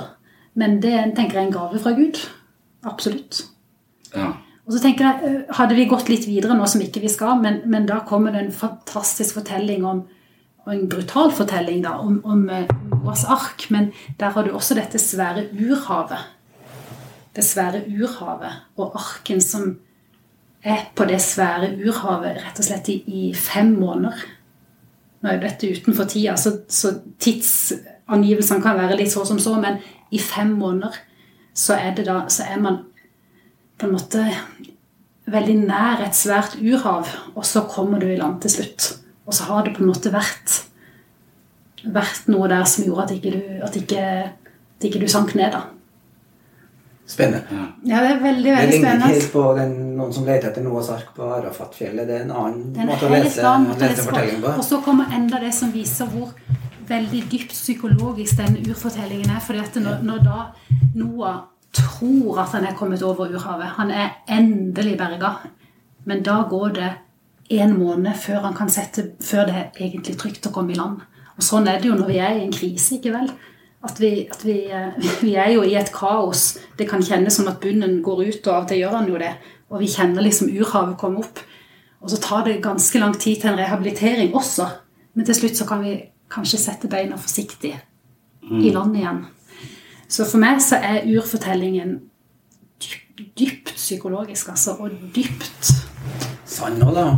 Veldig sann. Og her kan jeg gjenkjenne mitt liv. Her kan jeg gjenkjenne mine følelser, mine vonde følelser. Sånn Men her kan jeg jeg også lese at jeg er skapt i Guds bilde. Her kan jeg lese at eh, at eh, det er ikke godt for mennesker å være alene, sier Gud. Det er jo derfor han skaper eh, Eva. Til å gir, gir Eva Trenger en like en ja, vi, vi, vi, må være, vi kan ikke bare forholde oss til dyr og planter. Vi, vi trenger mennesker, vi trenger fellesskap. Så Så, men jeg lurer mitt problem her blir at jeg, havner ikke, jeg havner ikke der du havner. Nei. Eh, selv, selv om det er eh, veldig veldig meningsfullt for meg å, å gi gjenklang, og jeg elsker å prate om det på den måten Som et vi prater om det nå. Ja, som Ja. et urhav. Altså det, det, Mm. gir, det, det gir meg sånn veivisende eh, fortellinger som ikke er åpenbare, men som jeg er nødt til å, eh, til å lodde dybden i, som ikke gir seg selv. Mm. De krever noe av meg. Mm. Og, og livet er jo meningsfullt fordi det er krevende. Mm. Altså Hvis alt gikk på skinner, så hadde det ikke vært noe, noe så, så for meg så at det, Ja, Gud skapt det og det, og hvorfor skaper han eh, slanger osv.? Jo, for å gi oss litt motstand. Ja. Det er jo, ellers så blir det jo ikke noe eh, så, så, så, det, at det, så alt dette her gir veldig mening for meg som, som eh, kollektive fortellinger, kollektive drømmer, kollektive erfaringer som, som snakker til oss, som gjør at jeg ikke føler meg så alene, for det setter meg i kontakt med hele historien, nærmest. Nettopp. Så det er, et, det er et kulturelt objekt som setter meg i kontakt med noe som er mye større enn meg selv, men fortsatt kultur. Mm. Og det er det, det, er det som er Du eh, vil så gjerne ha ånden inn i det. Jeg tror jeg vil Jeg tror nesten jeg må det. For, at, for at det, det er greit for meg at dette her er um, Altså at det er mye psykologi og sånn. Men Ja. så lenge jeg bare refererer til et annet menneskes erfaringer og dra veksel på det og føle meg lik det og føle meg i ett med det fordi at vi har de samme Altså du lærte Mm. meg noe, eller vi, vi delte. Mm. Om jeg deler det med hele verden, eller jeg deler det bare med deg eller Mm. deg, så er det fortsatt, dere er fortsatt bare mennesker. Og fortsatt så vil det meningsskapende være Det er meningsfullt for meg å snakke med dere Mm. og ha dere, men det, er, det gir meg mening i et meningsløst liv. Jeg skjønner. Så, da- så da lenge jeg ikke tilbake. klarer å putte forankringen på et høyere Mm. Og da må vi tilbake til Odd Nordstoga ikke vel? Altså, Ja. kan, kan du tro på ei styrende hånd? Ikke Ja. vel? var, var, det, var det Gud som var til, Ja. og som gikk inn og tente lyset? Må det være styrende han? Kan det bare være Styrende Ja. er litt, styrende er litt, styrende er litt forstyrrende. Ja, det er for meg det er litt Men kan du tro på sånn- ei skapende han? La oss si det. Ja, eller en annen virkelighet, da. Eller en, med en større virkelighet. En, Ja. en virkelighet utenfor oss. Og det er som også måtte- litt der, vi kommer Ja. fra, eller som har Og det er også veldig interessant i denne fortellingen at Gud. Gud, Gud, eh, ah, nei, altså Gud lar en kilde springe fram. Mm. Sånn at jorda ikke blir tørr, men han blir blaut, sånn at du kan lage noe av det. Så former han en mann, men mannen har ikke liv. For han har ikke fått Guds pust i seg. Nei, litt som Pinocchio. Så får han Guds pust i seg. Mm. Og da, da, da får han jo ånd, tenker Mm. jeg. Ja. Jeg tenker Da får han ånd. Han får Og det første et barn gjør når det kommer til verden, er jo å puste det. Ja. Innånde. Innånde. Det er det første barnet gjør. Det er å skrike for å vise at livet er godt begynt. Det er jo det Ja. samme som Adam gjør eh, i Edens hage. Han er sikker på Mm. at han får den samme skriket. Nå, Ja. nå, nå kan jeg puste. Nå, Ja. nå, nå, er, nå er jeg mer enn støv. Mm. Så det er jo også urfortellingen. Altså, mennesket er mer enn støv. Ja. Mer enn materie. Vi er mer enn materie, ja. Som eh, vitenskapen kanskje insisterer på, at vi er nevrologiske prosesser. Vi er er materielle. Vi er det først og fremst Vi vet noe mer. Et Det er det, det som er fortellingen i vår kultur, syns jeg. da. Ja, så, så da er det sånn for meg Jeg vet ikke hvorfor At det, dere, det du utleder, dit du kommer Ja. eh, i, gjennom de fortellingene, Mm. det gir deg en sånn slags eh, Den tilliten til eh, eh, livet, eh, til, til, kost, Gud, til, Mm. til det skapte. Mm. Eh, Som, hvor jeg ikke helt kommer, men jeg lurer på om jeg hadde kommet dit hvis det ikke hadde vært den språk At det kanskje ikke det er den språklige veien som er min vei. At, at hvis jeg skulle eh, komme Jeg har fortsatt et håp om at det er mulig. da Eh, At, at, det, at jeg ikke kan redusere alt til forklaringer og rasjonalitet. da For jeg føler at da går jeg glipp av Jeg syns i hvert fall det er kjedelig. Jeg synes ikke det er spesielt mystisk og magisk. Det tar magien ut av livet for meg å tenke helt sånn og, å forklare det. Så, så igjen, det, de sier at vi kan se på det som metaforer på å bli født. Eh, ikke sant? Altså innånde, altså at det ånd egentlig ja, det er bare pust, det er bare biologi. Så med en gang du bare, så en gang metaforen viser til en sånn helt konkret virkelighet og ikke til noe sublimt, så, så, er jeg, så, jeg, så jeg lurer på om hvis du da hadde heller putta meg i et eller annet sånn eh, Et eller annet tempel i, i, i Tibet, og sagt at jeg skulle sitte og puste og kjenne på pusten Mm. i 10 000 timer, Mm. eh, eh, og at jeg plutselig da hadde fått en slags opplevelse at jeg er ett med alt, Mm. og at, det, at bevissthet er jeg, Det er ikke noe forskjell på meg og deg, vi er ett. Eh, At, jeg, at jeg hadde både transcendert dualismen på forskjell mellom oss to. Forskjell, altså vi er bare en vi, altså At jeg hadde fått en sånn type opplevelse Mm. som jeg ikke kunne Som jeg ikke nå klarer å snakke om, for jeg har ikke hatt den opplevelsen. Men, men jeg har hørt folk snakke om den opplevelsen. At det, Det er mange min som har vei. hatt den, ja. Ja, absolutt. Det er mange som har hatt den.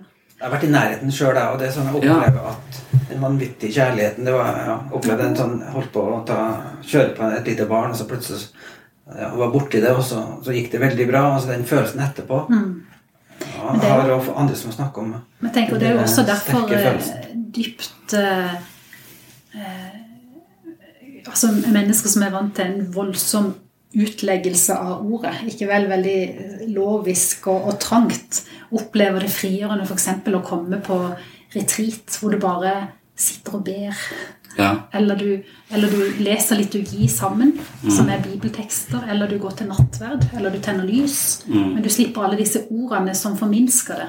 Mm. Og det, det er jo også Hans Børli, eksempel. Han hata jo eh, De hadde så mange emissærer der hjemme. Og han sier han, han var så sint på prester og predikanter pga. at de hadde ord. Ja. Ikke vel? Ja, ord som låser, da. Ord Det er som ord som begrenser. som som ja, begrenser det.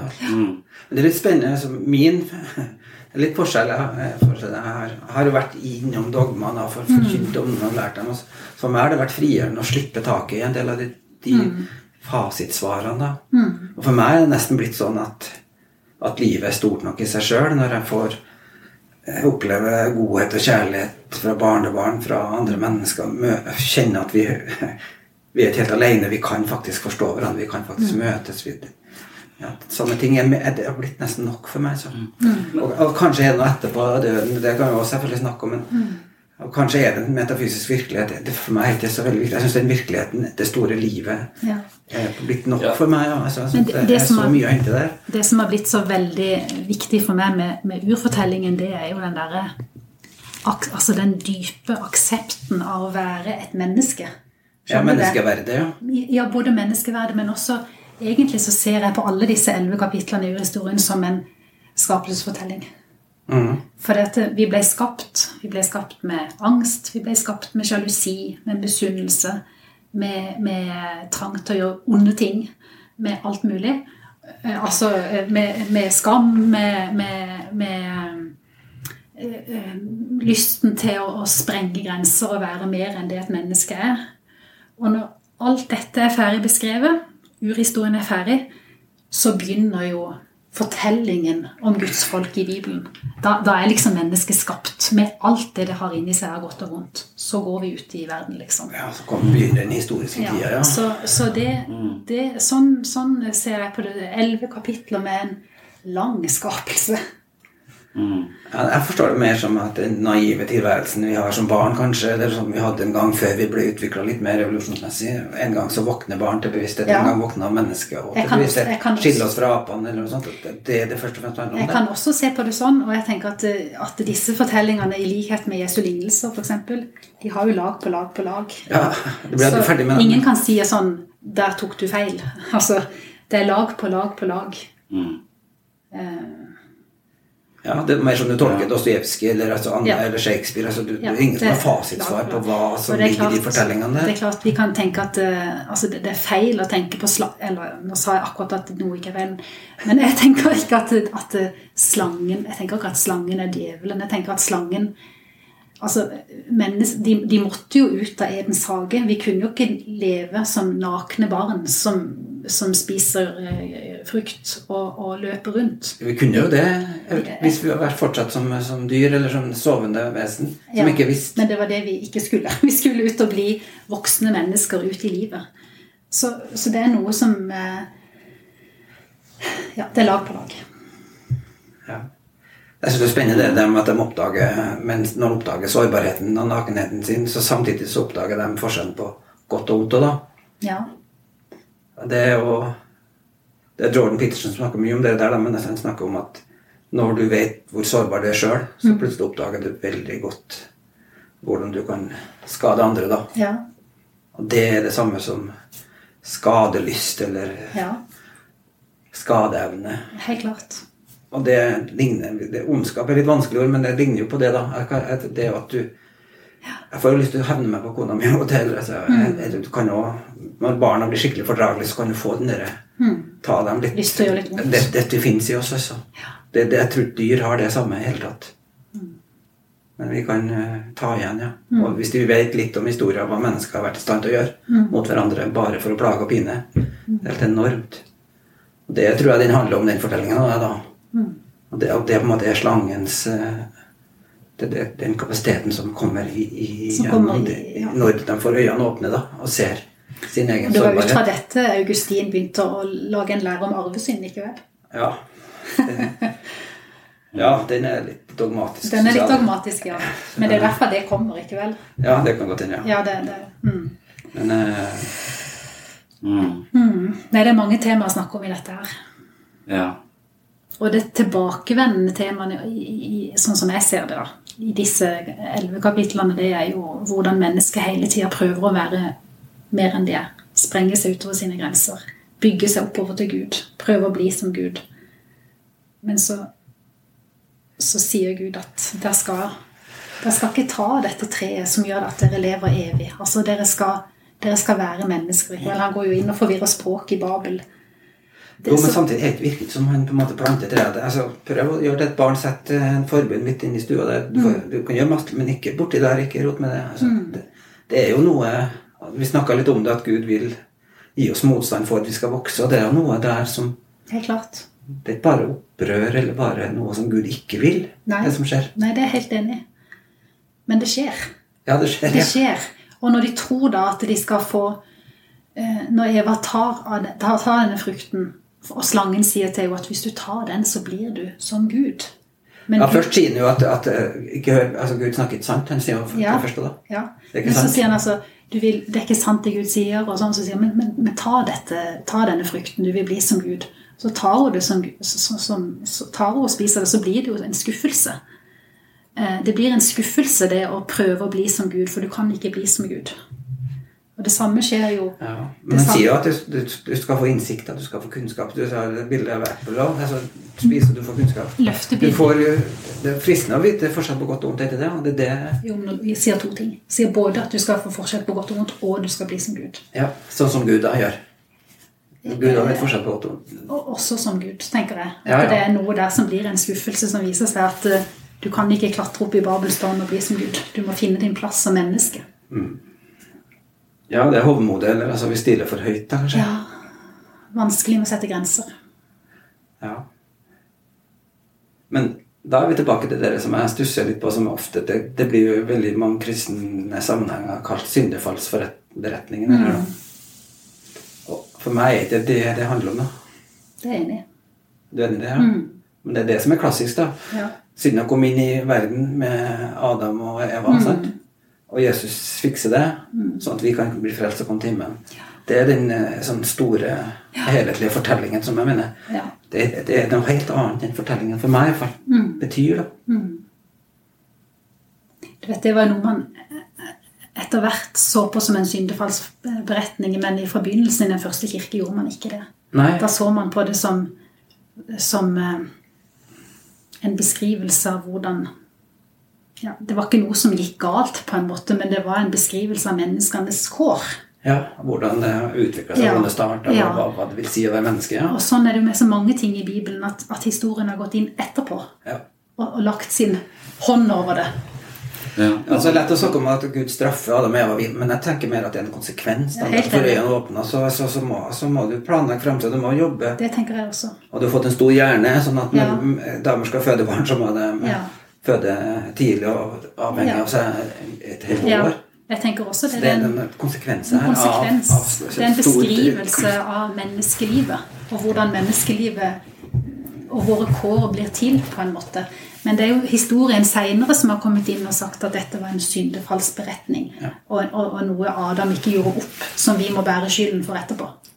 Den jungianske beskrivelsen av det er jo det som, som Jordan Peterson også ofte snakker om, at den denne eh, bevisstheten, denne skammen og de, de, Mm. de tingene eh, det er jo en bør å bære. Mm. Eh, det er en tung bør å bære.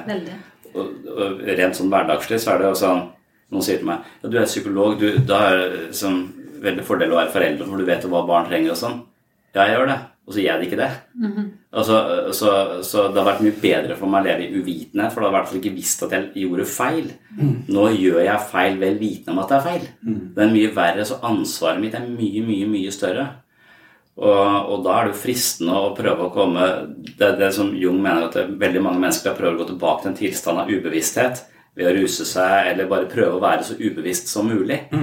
Eh, og prøve å glemme eller prøve å liksom komme tilbake til før vi spiste der fordømte eplet, liksom. Eh, eller leste den fordømte boka da, eh, om eh, pedagogikk og barneoppdragelse. Som jeg har 250 av. Eh, så, som det gjør det umulig å være forelder, for at det, uansett hva du gjør, så blir det feil i forhold til en av disse bøkene.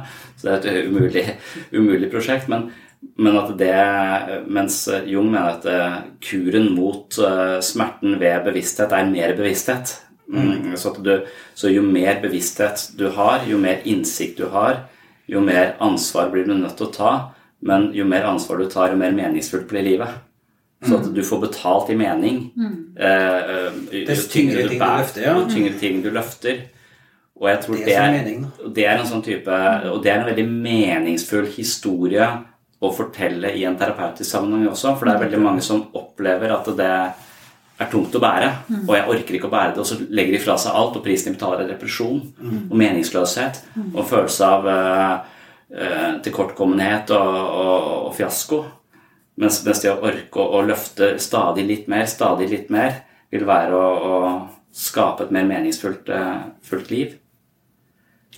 Så så da, da kan jo fortellingen brukes på, eh, på den måten. Men, men for meg så er det så lenge ikke det Jeg kommer til helt tilbake til så lenge det ikke, jeg får en sånn opplevelse eller overbevisning om at jeg kan hekte det på noe som er større enn bare fellesmenneskelige erfaringer, så, så blir jeg lukka inne i et meningsfullt lite altså, øh, altså jeg, tror der, jeg, tror den der, jeg tror det er der menneskets opplevelse av meningsløshet springer ut i vårt moderne. At vi er så vi er opptatt av sport og kropp og karriere og kompetanse og tjene penger. Og alle disse tingene her de gir oss en viss motivasjon i denne lille bobla vi kaller eh, livet. Men de er ikke forankra i et større oppdrag. Vi har ikke noe sånn, det er ikke noe mer vi skal gjøre enn å, å, få god pensjon. sant? Altså, så lenge det er livsspillet vårt, så vil vi lett avsløre at det er ganske tomt. Ja. Og så lenge du da ikke klarer å, å feste meg i noe som er mer overordna Så jeg mener det er altså, så lenge, hvis Gud har noen føringer og har en mening, og vi har den tiltroen til at livet er meningsfullt, og, og jeg har en oppgave som dere av og til formidler at dere føler, at dere har en, opp, et større oppgave. Jeg føler en større oppgave å være et godt menneske, fordi jeg har skjønt at det å være et godt menneske eh, gir meg en god følelse, og det gir andre mennesker godt. Og, og, og fordi at folk har oppført seg bra mot meg, så har jeg også lært at det, det er en fin måte å være på. Mens jeg har mange som ikke har lært det. og ikke, så, så, så jeg, men, men det også at det er forankra i noe, en, en, en slags evighet, det savner jeg. Spennende. Du kunne Du ønske det. ja, du Jeg skulle så det. ønske at jeg fikk den genuine opplevelsen at dette er forankra i en evighet, og ikke bare i moralfilosofi. moralfilosofi. Eh, som Hegel har sagt. Hvis du er et godt menneske og tror at du kommer til himmelen, da, det er den klassiske fortellingen er. altså derfor, Det er veldig mye som ligger der. tror jeg, at det, er- det, det, det er en sammenheng mellom det livet du lever her, og det livet du skal få leve etter du dør. da. Har det Ja. hjulpet deg med det? Nei, nei, jeg hadde ikke klart det. Altså, jeg mistenker at eh, mye- ingen mennesker kan forklare meg uh, Eller gi meg en sånn forklaring som jeg føler jeg kan uh, følge, men jeg tror kanskje det finnes en opplevelse, og jeg har en sånn sterk fornemmelse av at jeg er ganske trangsynt, på en måte. At, jeg, at, at det er At jeg har disse narrativene som jeg prøver å utforske, men jeg går litt i de samme banene. Eh, Så, jeg, så jeg tror liksom, Og jeg tror ikke lenger helt at eh, forklaringer og lesing og innsikt kommer til å vise meg eh, Det, det er ikke veien å gå for meg, i hvert fall. hvor er veien å gå for deg? Jeg mistenker at det er via sopp og LSD. Tibet? Ja, ja, ja. Eller Tibet, ja. Ja, ja, eller Tibet. Jeg vet ikke. Kanskje, kanskje at når jeg har vært i disse menighetene, at det egentlig har vært for oppi hodet. da. At jeg heller burde For betraktende. Ja, for betraktende at jeg heller burde vært um, Men Har du vært i mange menigheter rundt omkring? Nei, jeg har vært mest i én, og så har jeg Ja. vært litt i en sånn um, misjonskirke og ja. så, Ja. så Men du har vært litt på leit? vært litt på leting i ulike, Mm. ulike sånne bibelgrupper og alfakurs og settinger og Mm. Mest for å forstå hva de kristne driver på med, ikke for å bli kristen sjøl. Tenker du det, eller så det det, ja. Nei, ikke Men jeg tror at jeg Ja Noen ganger så, sånn Psykologisk sett så tenker jeg bare at det, det å akseptere livets realiteter, det er psykologisk sunt. Eh, Det å innse at jeg skal dø, og lære seg å dø, eh, det er å lære seg å leve riktig. Absolutt. Litt sånn, sånn hardcore, eh, eksistensiell, sånn, litt sånn, sånn dystert og egentlig litt sånn Depressivt òg, ja. Litt depressivt, egentlig. Altså, og, at, og at jeg tenker ja, jeg må bare tåle mer å kontemplere meningsløshet. Så, men, men jeg blir kvalm av det. Jeg, får, jeg, jeg klarer ikke å Jeg mister følelsen i kroppen. Jeg blir helt så, så, og, og meningsløsheten er så, jeg, jeg er ikke i stand til det. Eh, å, å gå den veien. Så, så, så jeg søker nok mot noe som ja, Jeg tror jeg har en slags spirituell vibb i meg som ikke stimuleres på helt riktig måte. Mm. Uh, eller jeg håper det. At du har? Jeg, jeg, jeg, jeg føler at jeg har det, men jeg kan ikke vite det. For jeg kan, for t- mitt mantra at alt jeg tenker og føler, er feil. Så alt jeg, alt jeg tror så, så dermed så, så men, men at det, Ja. At jeg kanskje Men hvis du har tatt noen psykedeliske stoffer da, og opplevd at, at det fins en, en helt enorm annen virkelighet, større virkelighet Du sa noe om det at det, det kunne ha vært en vei å gå, da? Ja, jeg, jeg mistenker litt at språket pakker oss inn eh, i at det er eh, Om man i Babel Gass bare forskjellige dialekter og forskjellige språk, så vi ikke skal forstå hverandre. Men jeg tror også kanskje språket gjør at, det, at vi ikke ser utenfor det som kan eh, beskrives ved, ved språket. Så Derfor er språket en slags Det kan åpne verden for oss, for vi kan sette ord på ting vi ikke ser, og så kan vi se det. Men det kan også bare binde verden for oss, for vi er innenfor disse eh, rammene av dette alfabetet, nærmest, som, som setter rammene for hva vi i det hele tatt kan. Selv om det er mange muligheter å sette sammen en setning på og, og gjøre den Men, men altså, det, jeg vet ikke. Nei, Jeg opplever jo at eh, i min eh, ja, I en gudstjeneste, eksempel, eller i en uh, tur i skogen, eller hvor du ser Mm. det skapte, så, så, så kan vi komme bakenfor ordene. Ja. Ja. Ja. Kanskje jeg, jeg kjenner den i naturen. Ja. En sånn type høydepunktsopplevelse Ja. som er som, Ja. For meg så, så kan jeg også det f.eks. Eh, i nattverd. ja, ikke sant? Det, det, er ikke, det er ikke ord, det er bakenfor ordene. Ja. Eller eh, Musikk, da? musikk. ja. i, i bønn. Mm. I, i, det er jo utøvelse, som du sier, i, Mm. i Tibet. Ikke vel? Ja, ikke sant? I, i eh, Ja. meditasjon. Ja. Eh, så det Men, men du Ja. har eh, Ja. Du har så mye protest i det også, på en måte. Ikke veldig Mange motspørsmål. ja. Og, og godt er det, men eh, Men eh, Men, men det er likevel en dialektikk i det. Altså Ja. at for at Fra jeg startet å Ja. interessere meg for dette, eh, til jeg her er nå, det er et annet sted. ja. Eh, Så protesten er eh, eh, Den tar meg Ofte så gjør jeg det med vilje, bare for, å, for at den tenker at det er en dialektikk i, i, i, denne bevegelsen. Og at det. altså hvis jeg skal være altså Det er den eneste måten jeg har funnet å kunne være liksom eh, Gjøre det til et prosjekt for å prøve å finne ut av det. Det er i den, den meningsbrytningen Mm. med, med andre. Og så langsomt så, så, så kommer jeg i hvert fall litt videre. Mm. Altså, men, men i den ene menigheten så var det, nå har vi bare kommet dit. Nå bare står vi der. Mm. Så det er noe, det er ikke noe videre. Når jeg snakker med Erlend om dette, så kommer jeg litt videre. Mm. Eh, når jeg sparer med andre, så kommer jeg litt videre. Dette gir meg litt, også litt videre. At det er ikke helt eh, Har, har ja. eh, Har den åpna seg litt for deg i kveld? ja, ja, det er Ja. Ja. Så, Du ser noen spor, liksom, som, som er verdt å ta vare på. Ja, også, men så er det så lett for å se det rett inn i den psykologiske ramma. eh, Og at jeg, at jeg ser på det som, eh, som eh, gode metaforer på menneskets syke. Eh, Det gjør jo jeg også langt på vei. ja. Men jeg tror på denne skapende hånden da, over. ja, ikke sant? Det er der. Det der. Ja. Ja. Det er jo, ja. Mm. Hva er det som gjør det? Har det noe bestemt deg for? Eller er det barndommen din? Eller hva det du blitt fortalt? Eller altså, Det er noe Den- som lever i meg. som lever i deg. Ja, det er noe som lever i meg. ja. Det er noe, en virkelighet som lever i meg. For den styrende hånda syns jeg er vanskelig. Da. Men da er vi inne på noe det, det er jo en, det, det, vi kan si en skapende hånd, for jeg tror heller ikke på en hånd som styrer alt som skjer. Det tror jeg absolutt ikke på. Nei, det. Overhodet ikke. Men en, en skapende hånd. Jeg kan forstå den skapende hånd. En Altså, skapende hånd. Ja, som hele tida skaper, da. Mm. Og at vi er med på den skapelsen. tenker Vi er med på skap. Med Vi, for I terapien, når vi klarer å sette, snakke Ja. sant om oss sjøl Ja. ja, og det gir meg mening. Det gjør, jeg føler at livet mitt er ekstremt meningsfullt. Ja, det det du sier, det er spennende. eh, men, men, jeg, og, eh, men, men det er på kvelden hvor den eh, skapende hånda Mm. Når jeg kikker opp og utenfor den meningsfulle bobla jeg lever i, Mm. så ser jeg ikke den skapende hånda. Jeg ser intet. Jeg, jeg ser, jeg, jeg, jeg, jeg, jeg, jeg, Og den Jeg har mye oftere den følelsen av total meningsløshet enn jeg har av total eksistensielt meningsfylde på dette nivået. Og det er, den, det, er den, det er min største smerte, er den følelsen av meningsløshet. Og den føler jeg ikke Det er ikke det at jeg ikke syns det er meningsfullt å være pappa, for jeg føler det er ekstremt meningsfullt å være pappa, men når jeg tenker at det, oi, jeg har satt deg inn i en boble hvor det er litt mening her, men sånn ut all over the place, det er egentlig bare eh, totalt meningsløst svart. Intet. Ingenting utenfor.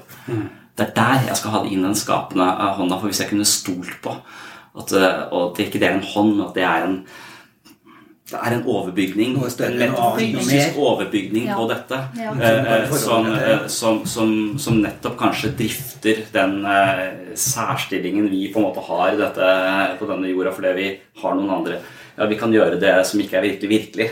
eh, ved å Hvis jeg kan føle den på et eller annet tidspunkt, så er jeg der. Men for meg er det den virkeligheten som bølger inn i terapisituasjonen. Når, mm. Eller i en god Mm. Ja, samtale med kona. Ja. Altså, det er det samme. Det er det samme. Det Du har bølger sagt inn. sanne ting Ja. til meg, og som har gjort ting med meg. det. Altså, det er et eller annet, Ja. og det er mening nok for meg. da. Ja. ja. Det slår inn noe av den virkeligheten i det gode. Det I det at det hele tatt går an at sanne ord kan skape, og gode ord kan skape ny virkelighet. ja, det er helt enig. ja. Det er jo et mysterium, det, Det er du med på. At, det- at, det, Ja. at det er fungerer sånn. Ja. Mm. Det, det er et eller annet Vi ser bare en liten bit av det, og så, så, så slår det inn på forskjellige måter. da. Og Det kan være i naturen, det kan være i musikken, men det kan også være først og fremst i relasjoner for meg. da, I menneskemøter. Men òg i, i mitt Altså, når Når jeg bare våger å, å snakke sant om meg sjøl i mitt egen dritten i mitt eget liv. også. Ja, altså når mennesker reises opp. Ja. Når mennesker reises opp på en eller annen måte. Og det er jo det som, eh, som Jesus kaller for Guds rike. Nå skjer Guds rike. Ikke vel? Mennesker reises opp. Nå skjer Guds rike. Nå er det her. Ja. Ja. Og det skjer ofte gjennom at du begynner å snakke sant om deg sjøl. At du begynner å se deg sjøl. Da, da ofte må mange mennesker ned på bånn og møte tøffe ting. Det er skyggen som Jung snakker om, da. Altså våge å møte dere litt sånn tvilsomme sida ved deg sjøl og snakke sant om det, og ikke flykte unna eller ikke snakke om ting. Eller sånn. Det er mye psykisk helse i det som, som jeg opplever skapelsesfortellingen sier. da. Men At hvis jeg hadde trodd Eller hvis jeg hadde, tro, hvis jeg hadde følt um, dette for, det, for igjen så kan jeg forklare det innad. Mening i livet kontra mening med liv. Altså livet er meningsfullt. Altså det er mening i livet. Så det, det, er de to lagene jeg føler det er en forskjell på. Men, men hvis jeg nå hadde virkelig trodd på en sånn uh, større kraft, så, så ville jeg uh, følt litt at den var litt sånn i krise, på en måte. Eh, eller sånn at jeg alt det vi snakker om nå altså, så jeg, altså Den overfladiskeheten, denne løgnaktigheten som på en måte har lagt seg over hele jorda pga. kanskje én person i, i USA. eh, og, og, og måten denne mangelen på respekt og, og ærbødighet og, og denne ironigenerasjonen som ironiserer over alt, som er en del av selv. Eh, altså at, eh, at vi er i ferd med å Eller at det, Er det noe nytt etter at alle diktatorer har gjort det der eh, til alle tider? Om er i ferd med å Ja, ok. Ja. Eh, hvis jeg hadde ført den hånden, så hadde jeg eh, virkelig hatt en Hvis jeg kunne stolt på livet på den måten, da, eh, så tror jeg det hadde vært lettere for meg. Og selv om Da, da tror jeg det hadde vært lettere jeg, tror mange mangler den drivkraften. At, det, det, at den friheten vi fikk når vi liksom et sekulært samfunn, vi er frie, du kan skape deg selv, gjøre hva du vil. Den friheten den, den, tror jeg bare skaper masse masse angst øh, hos folk, og meningsløshet. For at den friheten refererer bare til, til det hverdagslige livet her og nå. Det, det, så lenge det ikke liksom, vi er kobla på no, noe litt større, som jeg kan virkelig føle at hvis det bølger inn i meg, og jeg kjenner at jeg kan gjøre noe godt for et annet menneske, og det, kommer som en bølge fra noe som er større enn, enn meg selv, mm. så vil det føles enormt fint. Mm. Eh, men jeg føler bare det er et resultat av at eh, foreldrene mine har behandla meg eh, rimelig greit, og at folk har vært ganske hyggelige mot meg, og derfor så gjengjelder jeg dette. Eller jeg bare jeg, jeg, har, jeg kan lett forklare det Nei, rett inn i en sånn selvrefererende greie som er mister det, mister det evige. Jeg føler du forminsker litt det menneskelige, det store i det. At det ja. helt tatt går an. da. Og det er min kritikk mot kristendom også. at det, Jeg syns at de, de, de har forminska det for meg i en del av disse frikirkelige menighetene. Og ja. der syns jeg de forminsker det. Eh, på at de gjør eh, Gud til en sånn fyr med meninger mm. eh, om, om trivielle ting. Mm. Eh, og, og, da er disse, disse, urfortellingene ekstremt mye sofistikerte og spennende å snakke om på denne måten mm. enn, enn å snakke om om det står her at uh, du skal ha den og den partneren, skal gjøre sånn og sånn. Så de, de, de, sånn, det blir sånn påbudsfilosofi. Samtidig som jeg ønsker en slags påbudsfilosofi, jeg ønsker en slags større mening, en slags retning, altså en, en, en praksis for å, for å, kultivere det gode. Mm. Uh, ja, hvor er vi nå, tror du? Prøver vi å overbevise ham om at det fins en større virkelighet, eller, eller? Det er mye trass i meg, men det er også en slags ja, genuint ønske om å ha, oppleve det. Og jeg kommer ikke til å slutte å prøve. Og jeg syns samtaler i dette det er bølger. Hvordan bølger, ja. ja. Det er litt forskjellig. Det, det, vi har noen ja, forskjellige Du har levd med det hele livet. Jeg har vært ja. ute av det og kommet mm. tilbake med litt mm. annet språk. Ja, og det, jeg hører noen mennesker som, noen kristne som snakker om at det er Gud som gjør alt. Jeg er ingenting sjøl. Jeg, bare, jeg er ikke enig i det lenger helt tatt. Jeg, jeg syns det er så mye fantastiske mennesker, så store kapasiteter, at det, for meg er det budskapet om noe større. da. Mm, jeg synes også, jeg kjenner meg så igjen i din tanke, Ellen, om hvor fantastisk det er at mennesker kan trøste hverandre. Ikke minst det, ja. Vi kan tåle hverandre, vi kan romme hverandre. Vi kan, ja, kan forstå gå, hverandre. Vi kan, altså. vi kan, gå sammen med hverandre over det der forferdelige svarte havet. Ja.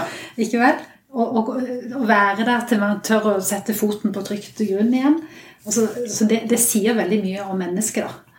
Ja, jeg syns det. Mm. Men da vil jo en trassig i meg si uh, Og vi kan drepe hverandre, vi kan voldta hverandre, vi kan Ikke sant? Uh, så, så. På slangen. Slangen.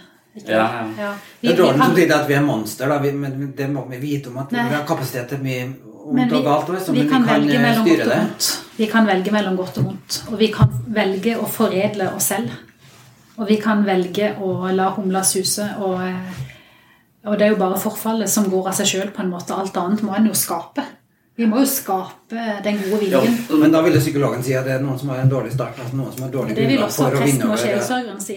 Ja. ja. ikke sant? Så, uh, ja, så, så må, for, for, da skifter vi brått nivå igjen. For det, ja. min umiddelbare respons er at det er et ego-underskudd som hele tiden mm. aldri har fått den anerkjennelsen og bekreftelsen, men bare fått svik og, og blitt ignorert og avvist. Mm. Det har et stort hull inni seg, og det ja. hullet søker de ofte å fylle. Mm. Og du har en president som er, er et hull. Så mm. alt, det er, det, er, kun hans egne motiver. Han har ingen omsorg for noe annet enn seg sjøl. Mm. Så bare fylle dette en gedigen, grådig egoisme, et slags monster av uh, et, et, sort hull, rett og slett. Som bare, uh, og, og, det er et, i et psykologisk forstand en slags trist. Det er en, det er en uh, omsorgssvikt. Det er en barnevernssituasjon. Dette her ja. burde ikke Så, så, Men jeg tror ikke alle allikevel har muligheten til å gjøre noe. De har et valg, alle tenker jeg, at du kan noe som er lurere og bedre enn noe annet. Så jeg, jeg tror på det Ja, for, for de som gjør det gode. De som gjør det gode i meg, de har jo ofte Ofte så er det mennesker som har funnet en eller annen form for balanse i seg selv, og som nå ikke trenger så mye der, men har mye å gi.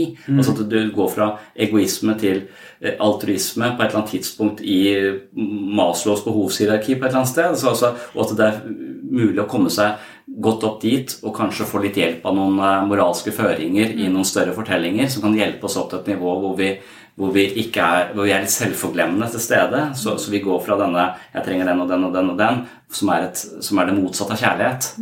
Så kjærligheten kommer jo i overskuddet. Det kommer et ego i balanse i et psykologisk språk. ikke sant? Da, da, da blir kjærligheten en mulighet. Omsorgen, Den genuine omsorgen blir en mulighet. Men før det så er omsorgen ofte en taktikk for å bli likt. Eller for, eh, for, for og, og, og da blir det et, Ja. Og det kan man si sånn altså, de ber skal hjelpe andre, men ofte er det bare for å score poeng. Ja, Altså, det er det for alle mennesker. Ja. Så, så, lenge, så lenge du er på et underskuddsnivå, så gjør du gode ting for å bli likt eller For få en den bedre følelse. For å ikke bli avvist. ja, en vinn-vinn-situasjon egentlig. Du gjør gode ting. Og det kan jo, jo flere du gjør som gode ting, langsomt så blir motivasjonen din endra fra at jeg trenger å gjøre dette godt, men jeg gjør det bare f- fordi det gleder meg. Eh, Ja, det gjør meg godt. Eller- ja, eller- det gjør noe for andre. Altså, det Ja. kan de seg selv være Ja. Så, men, men dette, dette igjen bare sånn utviklingspsykologisk eh, eh, ting. Dette er eh, lett å forstå i en utviklingspsykologisk eh, sammenheng. Ja, jeg kjenner igjen en ekstra forklaring. Jeg kjenner igjen mitt eget liv. Jeg har veldig lenge siden ungdommen med underskudd, tror jeg. Da streven bare holdt meg flytende. mm, Og det er en ganske tøff prosess å komme ut av det. altså. mm, Og det er lett å bli et offer og synes synd på seg sjøl og gå ned i mørket. Det, det er, mm.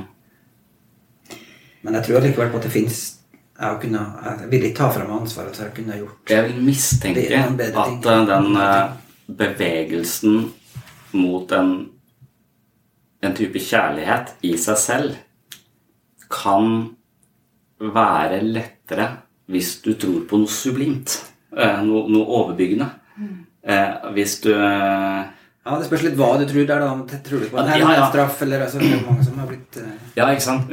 Hvis du, hvis du har en sofistik hvis du har en sånn abstrakt forståelse at det er en type bakenforliggende godhet og mening som Ja. skal jobbe gjennom deg, du må, du må kultivere de kreftene selv. Vær, vær på lag med den, ja. Vær på lag med den. Så, så tror jeg hvis du, hadde hatt, hvis du hadde klart å gi et språk på det som ikke var full av dogmer, eller som folk kunne liksom praktisert da, som en del av sin uh, åndelige utvikling, så hadde vi hatt en uh, så hadde vi det er et, Jeg føler at folk er litt åndelig fattige, eh, uten at jeg vet helt hva det betyr. Jeg bare føler at det er eh, hørte på den podkasten Brinkmanns Brix og sa hva skal du gjøre for å bli mest åndsfattig? Eh, altså, hva er topp tre-liste på å bli mest åndsfattig? For De pleier å snu alt på hodet. De snakker om at det var, hvordan skal vi, de snakket om ånd hele tiden. Altså, hva skal du gjøre for å bli mest åndsfattig? Da, da mente hun ene at du skal se på TV. Du skal eh, bare fokusere på kroppen eh, og kropps, ha et overdrevet kroppsfokus. Og du skal unngå all skjønnlitteratur. Eh, og du skal unngå kirken. Det, da blir du eh, et totalt eh, åndsfattig menneske. Og prisen du betaler er meningsløshet, depresjon, angst. Alt det vi ser. Ja, det beskriver en del av vår kultur, tror Det tror jeg også. Ja, det er vår tid. Det er åndsfattig. Ja, Vår tid er åndsfattig. Fylles med så mye annet. ja. Det er deres oppgave å gi oss et sånn type veldig interessant livsspill. Ja. Ja. Så det er noe med, du, er noe med du, Da må du søke en annen enn den eh, feeden du er på. Ja, ikke sant? Ja, ja, For vi, vi er der. ja, Ja. ja. Men altså, ja, jeg tror også Kirka kan jobbe med sitt språk, da, sin kommunikasjon. Hvordan Jeg har jo vært gjennom mange prosesser i Kirka der det snakkes om ny liturgi og nye mm. verselinjer og nye små fikse ting. Men det grunnleggende språket, det grunnleggende kommunikasjonen Jeg, jeg liker at du skal lage en podkast, for det er eh, på min eh, mobil, nemlig. Jeg, skal, jeg, skal lage en ny, jeg, skal, jeg skal begynne med podkast. Ja. Ja. Ja, jeg tror dere det, ja. Ja, Vi Men jeg har litt tro på at vi kan komme litt lenger i bevissthet, kan snakke om Gud Ja. religion på litt ny, ny måte som kanskje treffer Ja. litt flere folk. Altså at ikke vi lukker inn i kirka eller i bedehusene. Eller, det har vært noen tendenser til det, det syns jeg, da. Det, det, det er mitt, min greie, syns jeg, da. Mm. Snakke om det på en måte sånn at det kommuniserer litt. Men for meg som lever ute Bedre. blant eh, Jeg har jo masse masse kontakt med, med folk overalt. Og, og, og eh, den der, jeg tenker på den der bønnen som eh, en eller annen sier. altså Hvem er du, Gud, som fyller mitt hjerte med fravær? Det tenker jeg er vår tids bønn. En kjenner et fravær, en kjenner en tomhet. Ja. Og så kjenner du også Hvem er du, Gud, som fyller mitt hjerte med fravær? Ja. Det tenker jeg er vår tids bønn. Ja. Den finner du i kirka, den finner du utenfor kirka. Absolutt. Og dessuten så er det ikke så veldig strenge linjer mellom kirke og ikke kirke lenger. Nei. Nei. Så de skottene er jo på ingen måte sånn som de var før. Nei. Ja, det er et fravær som, som kanskje trenger å bli fylles. Ja. Men ikke, jeg tror ikke på dogmaen på samme Det er et eller annet nytt språk eller ny måte å kommunisere på. at kirka godt kunne Men du er veldig interessert i den, litt med språket sitt. den enkelte fortellingen. I, i, så jeg kan kanskje se på de enkelte fortellingene nå i Bibelen. Jeg, når jeg skrev om dette, så, så avslutter jeg med å si at jeg, jeg hadde egentlig tenkt å melde meg av statskirken, men jeg gjør det ikke. Nei. Fordi jeg har tenkt å prøve å lytte til de fortellingene med et annet øre enn jeg gjorde før. Og det tror jeg er en mulighet. Og da, da ser du på den som klatrer en vegg, da, så er hver, hver sånn ting du får tak i og kommer deg litt høyere opp, Ja. det er en, kanskje en fortelling.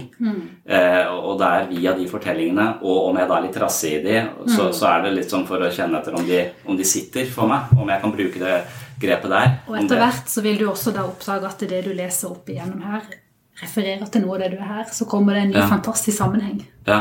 Og det er det som gjør at eh, jeg vil påstå at Bibelen er en litt vanskelig bok. Ja. For altså, det tar litt tid. Ja. Men plutselig så ser du noen sammenhenger som, som er bare helt fantastiske. Ja. Som fyller deg med mening. Ja. Faktisk. ja. Ja, jeg tror vi trenger hjelp til det. da. Jeg tror ikke vi ser seg sjøl, men det er noe Nei, det er nettopp for det, det er nettopp det jeg sier. Ja, det- Problemet det ditt bare sier. ja. Problemet vårt da er jo at uh, algoritmene til Facebook eller YouTube eller Ja. noe sånt, de er sykt mye bedre enn algoritmene til Bibelen. For Bibelen er ikke sånn at du bare blir slukt inn i det, på en måte. Eh, mens vi har masse andre folk som tjener penger på Ja. å stjele vår oppmerksomhet og bare sluke oss inn i disse, eh, disse tingene som gjør at vi blir åndsfattige. De drenerer oss Ja, for, for dybde. Og, og, og, så, og så ligger den boka der kanskje som kunne kanskje Og sånne store, store predikanter rundt i verden, det, det som jeg syns kan være veldig slitsomt med de, blant annet, er jo at de f.eks. har inn 15 fortellinger i en eh, Ja. altså, Man må jo bare ta én og én, ikke vel? Mm. Men de som er best på medie, det er jo de gærneste. Mm. Ja. Og, de, som, de som bare er en del av denne åndelige øh, dekadensen, på en måte. Mm. det er jo Visjon Norge som liksom er eh, Og, og at, at han får lov til å stå der og loppe mennesker på den han, det, Men det, det- sjokkerer meg. Ja, det tar vi neste gang. Trump og Hanvold Ja. kan snakke Det om tar vi det, neste gang. Ja. Ja. Men jeg har, altså, når psykologer begynner å fortelle å si det samme som Bibelen forteller om hva livet handler om Et eller annet samtale mellom psykologer og prester eller kirka Jeg har litt tro på denne. ennå. Mm. Det går an. Den innsikten gjennom mange mange samtaler med mennesker om hva livet handler om. Vi jobber jo med veldig mye av det samme, med å Ja. møte mennesker på, på, på dypet. Jeg tror det, Og i ja. smertefull erfaring. Og den samtalen mellom eh, altså Psykologene kan godt komme seg på banen litt i forhold til det religiøse språk. Eller, Ja. eller Og man kan Ja, at eh, men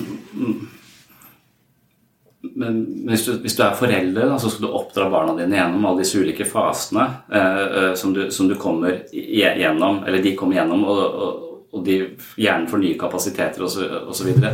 så sånn vil jeg også tenke om en, om en prest. At en prest trenger hele tiden også avgjøre akkurat en psykolog må avgjøre har du en mangelpatologi, en konfliktpatologi. Kan jeg utfordre deg nå, eller må jeg, må jeg støtte deg? Det, det må man eh, kunne lodde, og En prest må kunne lodde den samme. Er du på et sted hvor du trenger en gud som har et hvitt skjegg? Eller er du på en sted eh, hvor vi kan snakke om Gud på en langt mer abstrakt måte? Ja. Så du finner et slags utviklingshierarki Ja. i måten å forstå Bibelen på, hvor du kan, du, du kan treffe folk som trenger deg helt oppe, som Ja. er langt, langt eh, spirituelt høyt utvikla, og som du må snakke med der, mens du også må kunne snakke med noen som trenger en mann med et hvitt skjegg. For Som er barnetro. ja, som er barnetro, men som er også den veien eh, veien videre langsomt forandrer han ansikt etter hvert som, eh, etter hvert som han Barnetro er jo veldig fint, men den holder ofte ikke med, i møte med det virkelige livet. Nei, og barnetro er det jeg opplever av og til at jeg møter i eh, ulike frikirkelige menigheter. Og det vil være liksom den krasseste kritikken på det, at det er en del av de der i hvert fall henger igjen i en litt sånn uh, arkaiske måter å forstå det som står der. Ja. Og samtidig så Så barnetro er jo ofte den der enkle, tillitsfulle troen som er så fin.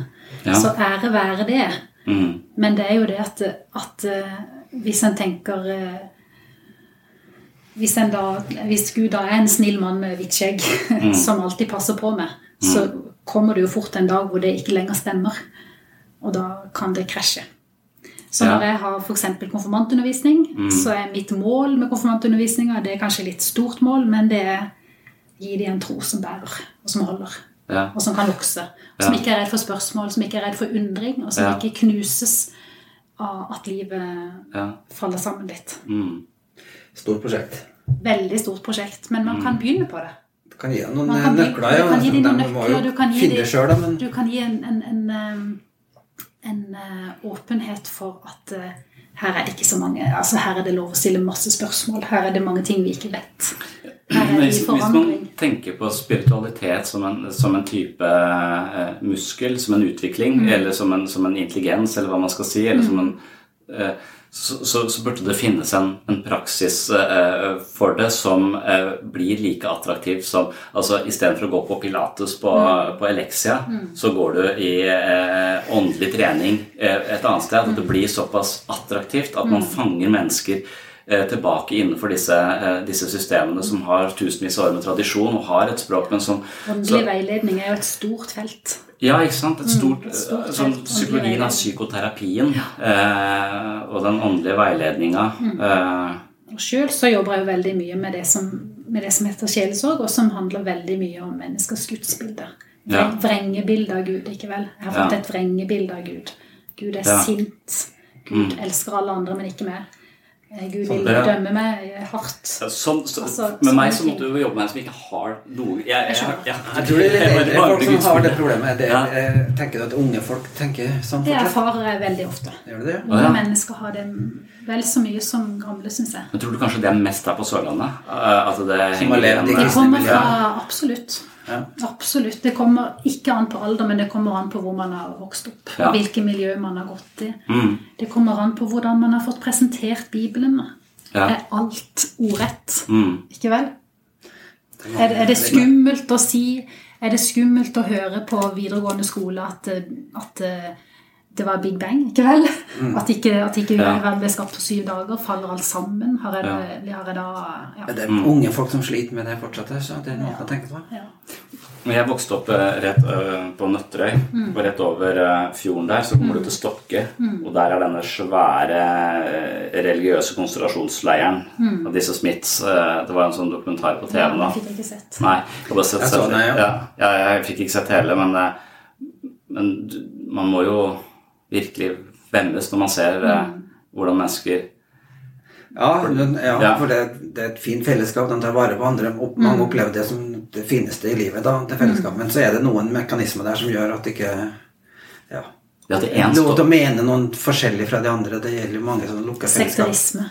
At du, at uh, De som ikke passer inn, de som prøver å si ting som ikke stemmer helt med Ja, og noen på toppen der tjener masse penger. Ja, det er det eh, fokuset i dokumentaren, ja. Eh, De ja. henter ut uh, givertjeneste til å berike seg sjøl. Ja. Det sånn. Sånn som en Knutby-greiene også.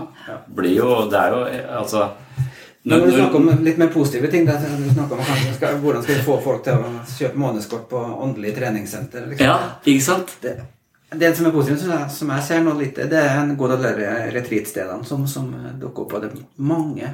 Ja. Prestegården borti her. Ja. Fullt av folk Ja. hver helg. Altså. Ja. Ja. Mange steder i Norge. Det er flere av dem. Ja, okay. Folk søker til dere åpne, da, men det er stille og rolig. Og, altså, Ja, hvile åpent. og pause, men også Men det åndelige. åpent, det er viktig. Åpent og ikke Ja. likevel. Ja. det, på prestegården snakka vi om altså, du kan møte Gud i alt. Det er ikke noe som er grenser. Du kan møte Gud i, når som helst, hvor som helst, i alle ting. Da. Ja. Og det Altså, er tiltaler sånn- folk, tror Det er jo sånn, vet du, Hvis jeg sitter med gode venner og et godt måltid, og vi ler, og det er fyr i ovnen, og jeg har pynta meg, og alt sånt, så kan jeg inni meg takke Gud. ja. Ja, takk for, takk for dette, liksom. Takk Mm. for dette. Eller å gå på ski ruskevær. Mm. Bare sånn Takk Gud, liksom. Men altså Ja. Det er min umiddelbare dialog, da, på en måte. Skjønner? Mm. Med det andre, ja. Med, det, Med, da, med, med den andre, Jeg takker livet, da. Ja. Men det er kanskje det samme jeg gjør, da. kanskje. Gud, Jesus er jo Ja, og jeg takker foreldrene mine. Ja. Så, så, så de, de er bare noen mennesker. Så dere har eh, Ja, men det er en lang rekke bakover der, da. Altså, det, er Ja, ja. hel, det er langt liv bakover der. Ja. ja. Men mitt min, det er litt stussligere, det syns jeg, da. Men, eh, men det Ja. Ja. Ja. Vi skal runde av, tror jeg. Mm. Ja. Det, Hvem skal si de siste bevingede ord som oppsummerer samtalen? Det må jo være prest som skal lyse velsignelse eller noe sånt. Vi snakker videre en annen gang. Det var veldig fint.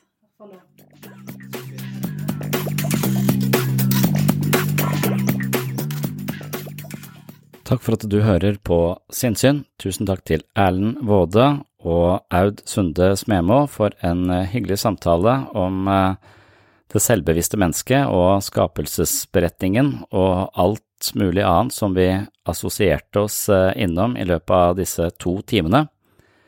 Tida fløy. Hvis du har hengt med helt til nå, så er du kanskje blant de spesielt interesserte, men i så fall, tusen takk for følget. Hvis du vil ha mer sinnssyn hver måned, så nevner jeg som vanlig at det er mulig å gå inn på patron.com for slags sinnssyn og bli medlem av mitt mentale treningsstudio. Der legger jeg ut eh, øvelser, jeg legger ut ekstra episoder av eh, sinnssyn, jeg legger ut videomateriell, og jeg leser mine egne bøker som lydbøker.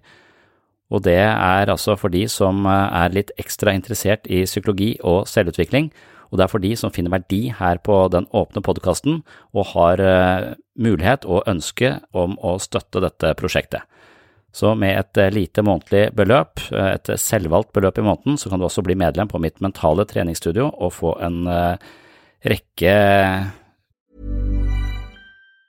Mom deserves the best, and there's no better place to shop for Mother's Day than Whole Foods Market. They're your destination for unbeatable savings, from premium gifts to show-stopping flowers and irresistible desserts. Start by saving 33% with Prime on all body care and candles. Then get a 15-stem bunch of tulips for just $9.99 each with Prime. Round out Mom's menu with festive rosé, irresistible berry chantilly cake, and more special treats. Come celebrate Mother's Day at Whole Foods Market. Hey, it's Danny Pellegrino from Everything Iconic.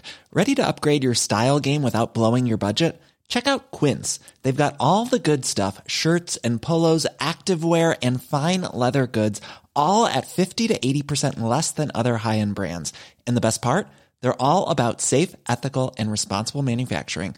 Get that luxury vibe without the luxury price tag. Hit up quince.com slash upgrade for free shipping and 365 day returns on your next order. That's quince.com slash upgrade. Planning for your next trip? Elevate your travel style with Quince. Quince has all the jet setting essentials you'll want for your next getaway, like European linen, premium luggage options, buttery soft Italian leather bags, and so much more. And is all priced at 50 to 80% less than similar brands. Plus, Quince only works with factories that use safe and ethical manufacturing practices. Pack your bags with high-quality essentials you'll be wearing for vacations to come with Quince. Go to quince.com slash pack for free shipping and 365-day returns. bonusepisoder og masse ekstra eh, materiale. Det er eh, jo både litt eh, tidkrevende og ressurskrevende å drive denne podkasten, men nå har jeg altså god støtte fra mine Patron-supportere, og det setter jeg utrolig stor pris på, så tusen hjertelig takk til dere. Det var det vi hadde for eh, denne gang. Om noen få dager så kommer det en eh, ny episode. Da er det bare å stay tuned og på gjenhør.